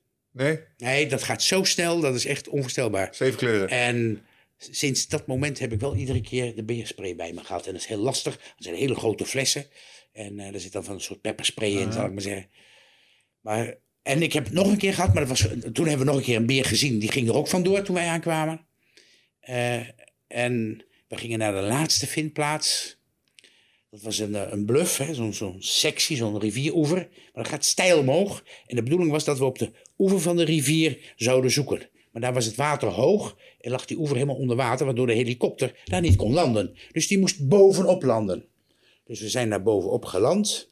Toen hebben we gezegd, nou, we gaan naar beneden en we zoeken die wanden af. En dan zijn we over een uur weer terug. De piloot en de cameraman bleef achter. De cameraman zou alleen maar komen als we wat hadden. En toen zijn we naar beneden gegaan. Ik had mijn rubberen laarzen aan en de regisseur en de staatspaleontoloog... die hadden hun schoenen aan, hun bergschoenen. Die heb ik ook, maar ik denk, ja, we moeten bij het water. Dus ik heb rubberen laarzen aangedaan. Glij iedere keer. En we waren halverwege dat bluff. Ik had een schop en die andere ook. Nou, en ik keek naar beneden, ik keek eens omhoog. Ik denk, ja, maar dat gaat helemaal niet goed. En ik voelde me zo onaangenaam, dat ik heb gezegd, nou weet je wat, gaan jullie maar. Ik wacht hier totdat jullie weer terug zijn. Maar ja, toch heel voorzichtig nog weer een stukje gegaan. Ik dacht van, nou, ik doe het niet. Kleine voettredes gemaakt, zodat ik kon staan. En op een gegeven moment, ik stond lekker. Ik denk, nou, dan blijf ik wel drie kwartier wachten voordat zij weer terug zijn. En ze waren al heel eind bij me vandaan. En eh, ik denk, ja, maar ik kan zo ook niet een uur blijven staan. Kaas rechtop. Het was warm. Hmm. Dus toen heb ik met mijn schep heb ik een zitje gemaakt. Nou, en ik kon lekker zitten en daar zat Dick Mol. Maar ja, dan moet je een half uur wachten. En dan ga je rottigheid bedenken, hè. Shit. Stel dat er nu een beer komt. En links, daar zat een soort eh valleitje... waar van alles nog wat uit zou kunnen komen. Er is niks uitgekomen, hoor. Maar je voelt je dan zo onaangenaam... dat je denkt, van, waar ben ik in godsnaam mee bezig? Wat doe ik hier? Ja, dat heb ik echt gedacht. Dat, eh, en toen heb ik gedacht, dat doe ik niet weer. En nu van een week hebben ze me uitgenodigd om volgend jaar weer mee te gaan. En dan toch? Dat, eh, ik heb al ja gezegd. Dus, eh, maar eh, dat, het is niet zonder gevaar. Nee, nee. Dus, Ik kan me een soortgelijk verhaal herinneren van de laatste keer dat je toen ook in een bepaalde situatie zat. ja, ik heb het wel vaker gehad. eh, Ook met tenten die weg zouden waaien, slecht weer en zo. Ja, en ik heb geen last van hoogtevrees. We hebben een hele mooie helikopter. Ik mocht dan naast de piloot zitten. Mm. Dat is natuurlijk allemaal glas wat je ziet. En heel langzaam maar de eerste twee, drie meter omhoog. Dat is nog goed te doen. Maar je gaat steeds hoger. Hè? En dan vliegt hij achteruit. Dat is ook wel zo'n raar gevoel. Ja. Dat is nou niet het prettigste. Dat, eh, je kunt beter hier in, op koude op een stoel zitten. Over te vertellen als je het gehad hebt.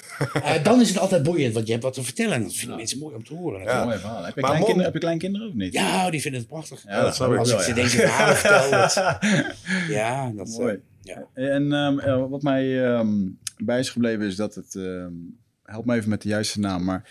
eh, zoals er vroeger werd gevist op de Noordzee... met die netten die over de grond heen sleepten... daar haalden jullie al je... eh, Dat is ons hè? Ja, ja. ja. Dat mag niet meer. Eh, dat mag wel. Maar wat is er gebeurd? De politiek heeft zich bemoeid met eh, die techniek van het vissen. Met die boomkotters. Een hele grote stalen balk op sleden. Waarachter enorme grote kettingen zijn. En daarachter pas een net. Die kettingen zijn ervoor om de platvissen die op de bodem van de zee liggen aan te tikken. Dan springen ze op, dan schrikken ze. Ja. En dan worden ze in het net gevangen. Net. En zo komt er van alles nog wat in die netten terecht. Ja. Die stalen balk, soms 12 meter breed, op van die enorme grote eh sledes van staal. En die zware kettingen, dat moet voortgetrokken, worden door die kotten. En dat eh, kost een gigantische hoeveelheid brandstof. Ja. Ja, en allerlei organisaties zeggen van, oh, die zeebodem wordt omgeploegd, is slecht, enzovoort, enzovoort. Larikoek. Maar goed, daar zal ik me niet mee bezighouden. Die vissers konden op een gegeven moment subsidie krijgen om hun kotters te laten ombouwen om naar elektrisch vissen te gaan. Pulsfishing noemen ze dat. Ja. dat eh, die stalen balk, dat verdwijnt dan. Als het ware is er dan nog een soort vliegtuigvleugel op de zeebodem waarachter het net zit. En dan komen er vanuit het net komen er allemaal stroomstootjes, waardoor de vissen opspringen en in het net gevangen worden. Oh. En het bespaart eh, enkele duizenden euro's aan gasolie per week. Ja. Die vissers, die zijn spekkopers, die hebben ze rot gelachen. Ze zeggen van, hé, maar dat is interessant. Had er natuurlijk eerst één gedaan, toen twee. En vervolgens zijn ze allemaal omgebouwd. Ja. En nu beginnen de Fransen zich te roeren. Ze zeggen, hé, die Nederlanders die zijn zo succesvol. Die vissen de zee leeg. Ja. Helemaal niet waar. Maar er hoopt trammeland om. Mag dit nu wel of niet? Het probleem is dat de bijvangsten met die moderne technieken levert amper of niets meer op voor wat betreft de zoogdierpaleontologie. Ja. Die ouderwetse methode, die leverde heel erg veel op. En nu komt er bijna niets meer binnen. En dat is heel erg jammer. Dus ja, begrijp mij goed. Ik zal ervoor pleiten dat de Europese Unie dat pulsvissen, dat elektrisch vissen, voor een deel weer gaat verbieden. En zegt van nou ja, Nederland mag een stuk of tien van die kotters hebben en de rest moet weer naar die oude methode. Dan zullen er een aantal failliet gaan, maar er zullen er een aantal overblijven. overblijven. En die zullen weer de toevoer van Ah, ja, ja. mammoetbotten gaan eh, opleveren. Omgekeerd is het Ja. niet denkbaar dat je zoiets inricht dat puur en alleen voor die botten gaat. Dus dat je één De kotter, dat één kotter hebt die zeg maar daarvoor op Ja, pad De gaat. Belgen doen dat wel. Eh, helaas, eh, in Nederland heeft men dat er niet voor over. Vandaar ook dat ik straks een bericht heb ingesproken dat men zich eens moet realiseren wat er onder dat water Ja. van die Noordzee aan schatten opgeslagen liggen, waar we nog zoveel van zouden kunnen leren. Eh, België heeft een heel mooi onderzoeksschip. Er is nog een heel klein kottertje op Urk. Die wordt af en toe omgebouwd. Hè. Dus dan van het moderne vissen gaat hij weer naar zo'n boomkor. En die vist dan voor een collega van mij, Klaas Post uit Urk. En die houdt zich bezig met de marinezoogdieren. Ik hou me bezig met de landzoogdieren. Hij doet het met de marinezoogdieren. Zo heeft hij een plekje in de Westerschelde ontdekt. Maar een heel klein plekje. En daar vindt hij overblijfselen, massaal, van walvissen van 7 tot 15 meter lengte. Die zijn zo goed bewaard gebleven, weliswaar allemaal in een matrix, in gesteente. Maar die vissen ze op. Echt, het gaat om gigantische hoeveelheden. In eh, negen dagen tijd, een paar weken terug, 290 kisten vol met botten. En die kisten die zijn zo lang, zo breed en zo hoog. En hele grote schedels van walvissen, zo groot als hier de tafel, die passen daar natuurlijk niet in. Dat moet allemaal schoon geprepareerd worden. Dat is een monnikenwerk. Klaas Post heeft dat nu een paar jaar gedaan. En hele mooie schedels zijn daarbij tevoorschijn gekomen. Waarbij ook de onderkaken van die dolfijnen nog in anatomisch verband aanwezig zijn. Dan moet je denken aan dit formaat. Puur stenen. En daarover wordt aanstaande zaterdag 8 september in het Natuurhistorisch Museum een tentoonstelling geopend. En deze vindplaats is zo belangrijk. Daar zitten onbekende soorten en onbekende genera in van walvissen die allemaal nog bestudeerd en beschreven moeten worden. Waardoor dus we heel veel eh, wetenschappers onderzoek kunnen doen en voor jaren materiaal hebben om verder te kunnen. Dat is echt onvoorstelbaar. Oh, help mij eens even met het volgende. Ik zit me zo voor te stellen, hier naar luistert en je hebt een eh, groene inslag. Ja. eh, dan denk je, ja, dag Dick. Weet je wel, je hebt al 290 van die kisten vol met botten. Waar heb je er in godsnaam nog meer voor nodig? Hou eens op met die oceanen stuk maken. Wat zou je tegen zulke mensen willen zeggen? Nee, dan hebben ze het niet begrepen waar het in de wetenschap om gaat. Eén ei is geen ei, je kent dat verhaal wel. Maar waar het om gaat is dat, hoe massaal kwamen die mammoeten nu tussen Engeland en Nederland in het laatste deel van het ijstijd voor? Was dat af en toe is er één, twee, drie mammoeten of hebben er duizenden geleefd? Hoe lang hebben ze daarvoor gekomen? Over een tijdspanne van 100.000 jaar of maar 5000 jaar of misschien maar 1000 jaar. Daar heb je gewoon heel veel materiaal voor nodig om onderzoek te kunnen doen. Want je wil ook statistieken gaan bedrijven. En dan heb je meer dan één of twee stukken. Ja, ja, ja. En neem van mij aan dat eh, die vissers, hè, want deze techniek van die boomkorvisserij, die eh, is al gaande minimaal sinds 1874. Want de eerste rapporten die zijn geschreven door een zeeuw in 1874 over botten die als bijvangsten in de netten van Zeeuwse vissers terechtkwamen. En toen dacht men dat er een mammoetkerkhof voor de kust van Zeeland lag. Ah. En vergeet niet dat eh, we vinden steeds meer, hè, ook onogelijke fragmenten worden herkend. Hè, we weten dat er mammoeten zaten, we waren neushoorns. En dan hebben we sabeltandkat en we hebben hazen en we hebben dit en we hebben dat. Maar we hebben op deze manier ook de eerste Neandertaler aangetoond van de bodem van de Noordzee. Dat was een stuk schedel met die hele zware wenkbrauwboog, hè, Krijn genaamd. En die is tentoongesteld in het Rijksmuseum van Oudheden in Leiden. Het origineel bevindt zich in België, want het is een Belgische verzamelaar die het heeft. Maar het is Nederlands erfgoed van de bodem van de Noordzee. En die heeft, dat is de enige Nederlander die oog in oog met mammoeten gestaan heeft. Daar ben ik van overtuigd. Nou, dat plaatje wordt steeds completer en completer. Maar net als zoals bij verzamelaars, er is nooit genoeg. Je hebt steeds meer en meer nodig. Ja. Ja, dat, eh, ik kan me niet voorstellen dat mensen zeggen van je moet dat niet doen. Dus eh, kijk, want was het vroeger zo dat degene die paleontologie bedreven, dan heb ik het over 50 jaar geleden, luister, die zaten aan een universiteit of op een museum en die deden wat onderzoek. En er was ook niemand die zich daarmee bemoeide.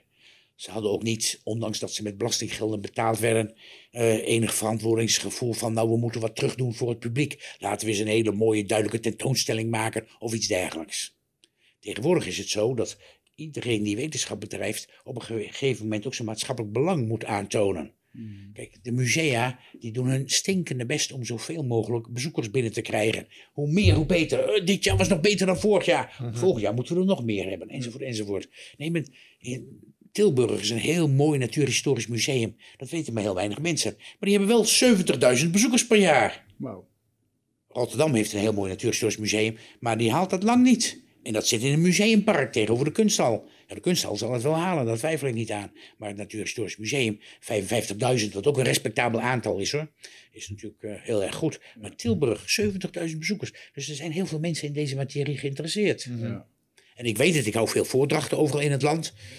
En dan weet ik ook altijd dat er veel mensen op afkomen. Dat is, eh, Ja. ja, dat brengt me nog wel bij een, eh, eh, een mogelijk eh, laatste ding waar, waar ik het even met je over wilde hebben. Want voor de podcast begon, had je echt een heel mooi stukje waarvan ik dacht, man, ik zou willen dat onze luisteraars dat ook eens hoorden. En dat, dat, dat- daarin vertelde je eh, wat nou eigenlijk het geheim was van het feit dat je nu, ondanks dat je een heel ander carrièrepad hebt gekozen, nu al deze lezingen doen, de kunst van het boeien, zeg maar. Daar had je een soort drie-eenheid voor. Kun je dat nog eens vertellen? Eh, dan moet je Moet ergens even, goed eh, tussen Beken- het bekend worden om één ding. En eh, nog een eh, keer. dat je het geluk had dat je, dat je één ding onwijs goed deed. En dat je daaruit alles... eh, Ja, nou ja, kijk, op- op ik, ik, ik ben van mening dat, eh, dat eh, als je iets doet, moet je het goed doen, anders moet je er niet aan beginnen. Hè, iemand die een verhaal moet vertellen, iets wat heel complex is, ja, en heel monotoon spreekt en heel saai, en een ondersteuning van plaatjes heeft eh, dat het nou net niet is, eh, moet je het helemaal niet aan beginnen. Want je gaat daar staan voor een groep mensen. Die mensen zitten allemaal met hun armen over elkaar. What's in it for me? Mhm. Waarom zit ik naar die vent te luisteren? Of dat nu een verkoper van verzekeringen is of iemand die een verhaal over mammoeten vertelt. Je moet zorgen dat als je iets doet, dat je het goed doet. Een goed verhaal is volgens mij ook als volgt. Als spreker, je bent op tijd. Je hebt de zaal gezien waar je gaat spreken. Je weet waar het podium is. Je hebt even het geluid getest. Je weet dat de techniek goed werkt. Dat de presentatie die je hebt professioneel is. Dat wil zeggen, die plaatjes die achter jou op het scherm verschijnen. Dan moet jij niet naar gaan zitten kijken. Je moet niet tegen het scherm lullen, maar tegen het publiek. Dat is alleen maar de ondersteuning van je verhaal. En als je dan een verhaal hebt met een begin, een midden en een eind.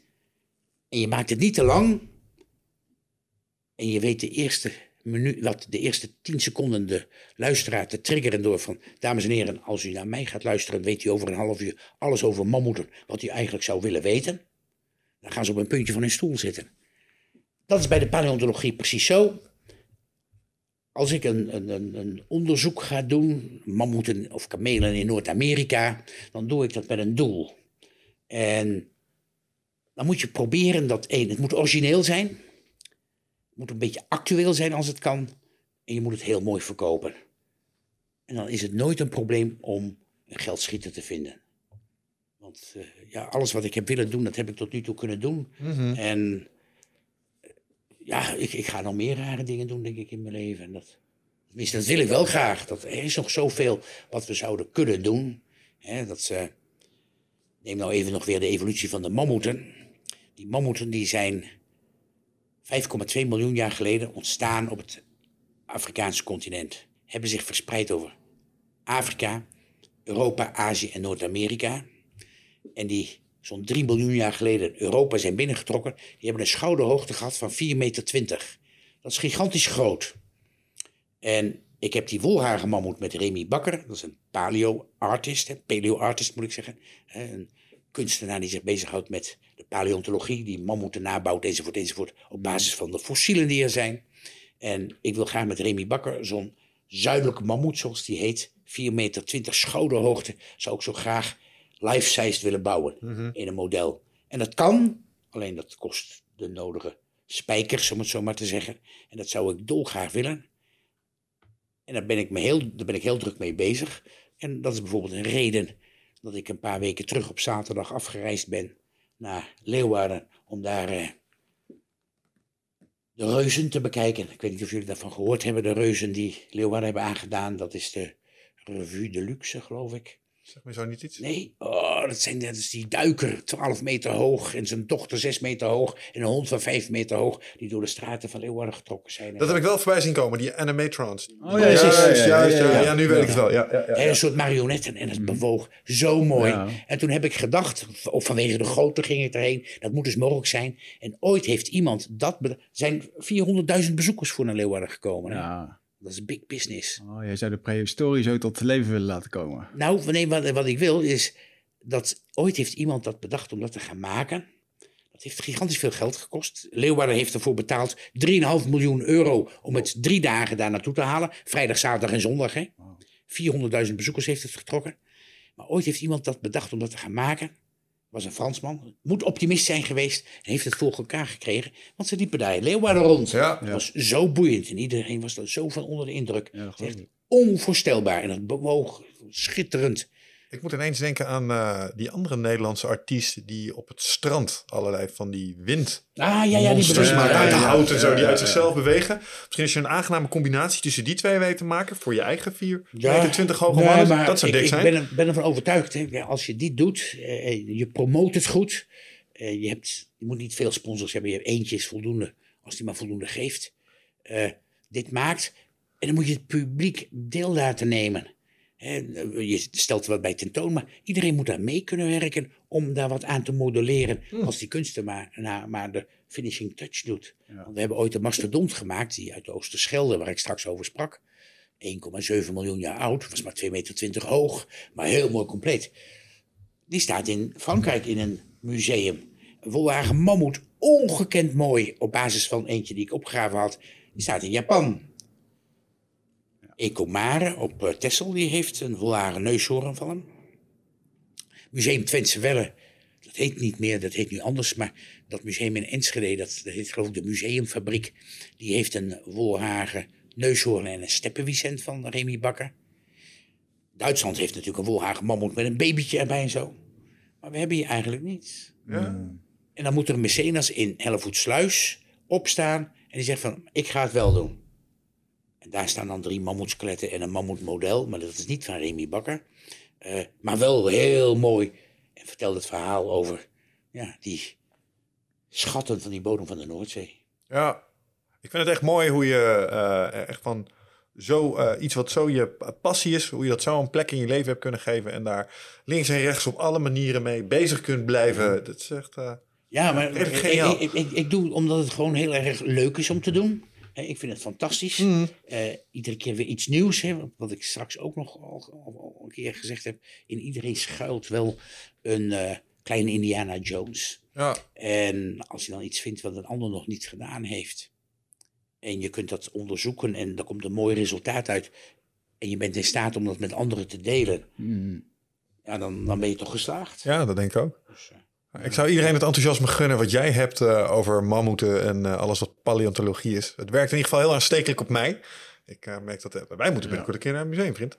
Dus de volgende, ja, ja, ja, volgende keer heb jij ook een mammoetslagtand. Jazeker, ja, een grotere. Nee. Er wil een competitief element in blijven natuurlijk. hoe, hoe zit het hiermee trouwens? Mag je dit gewoon bezitten? Of zit hier wel ja, ja, die zijn in Nederland niet beschermd.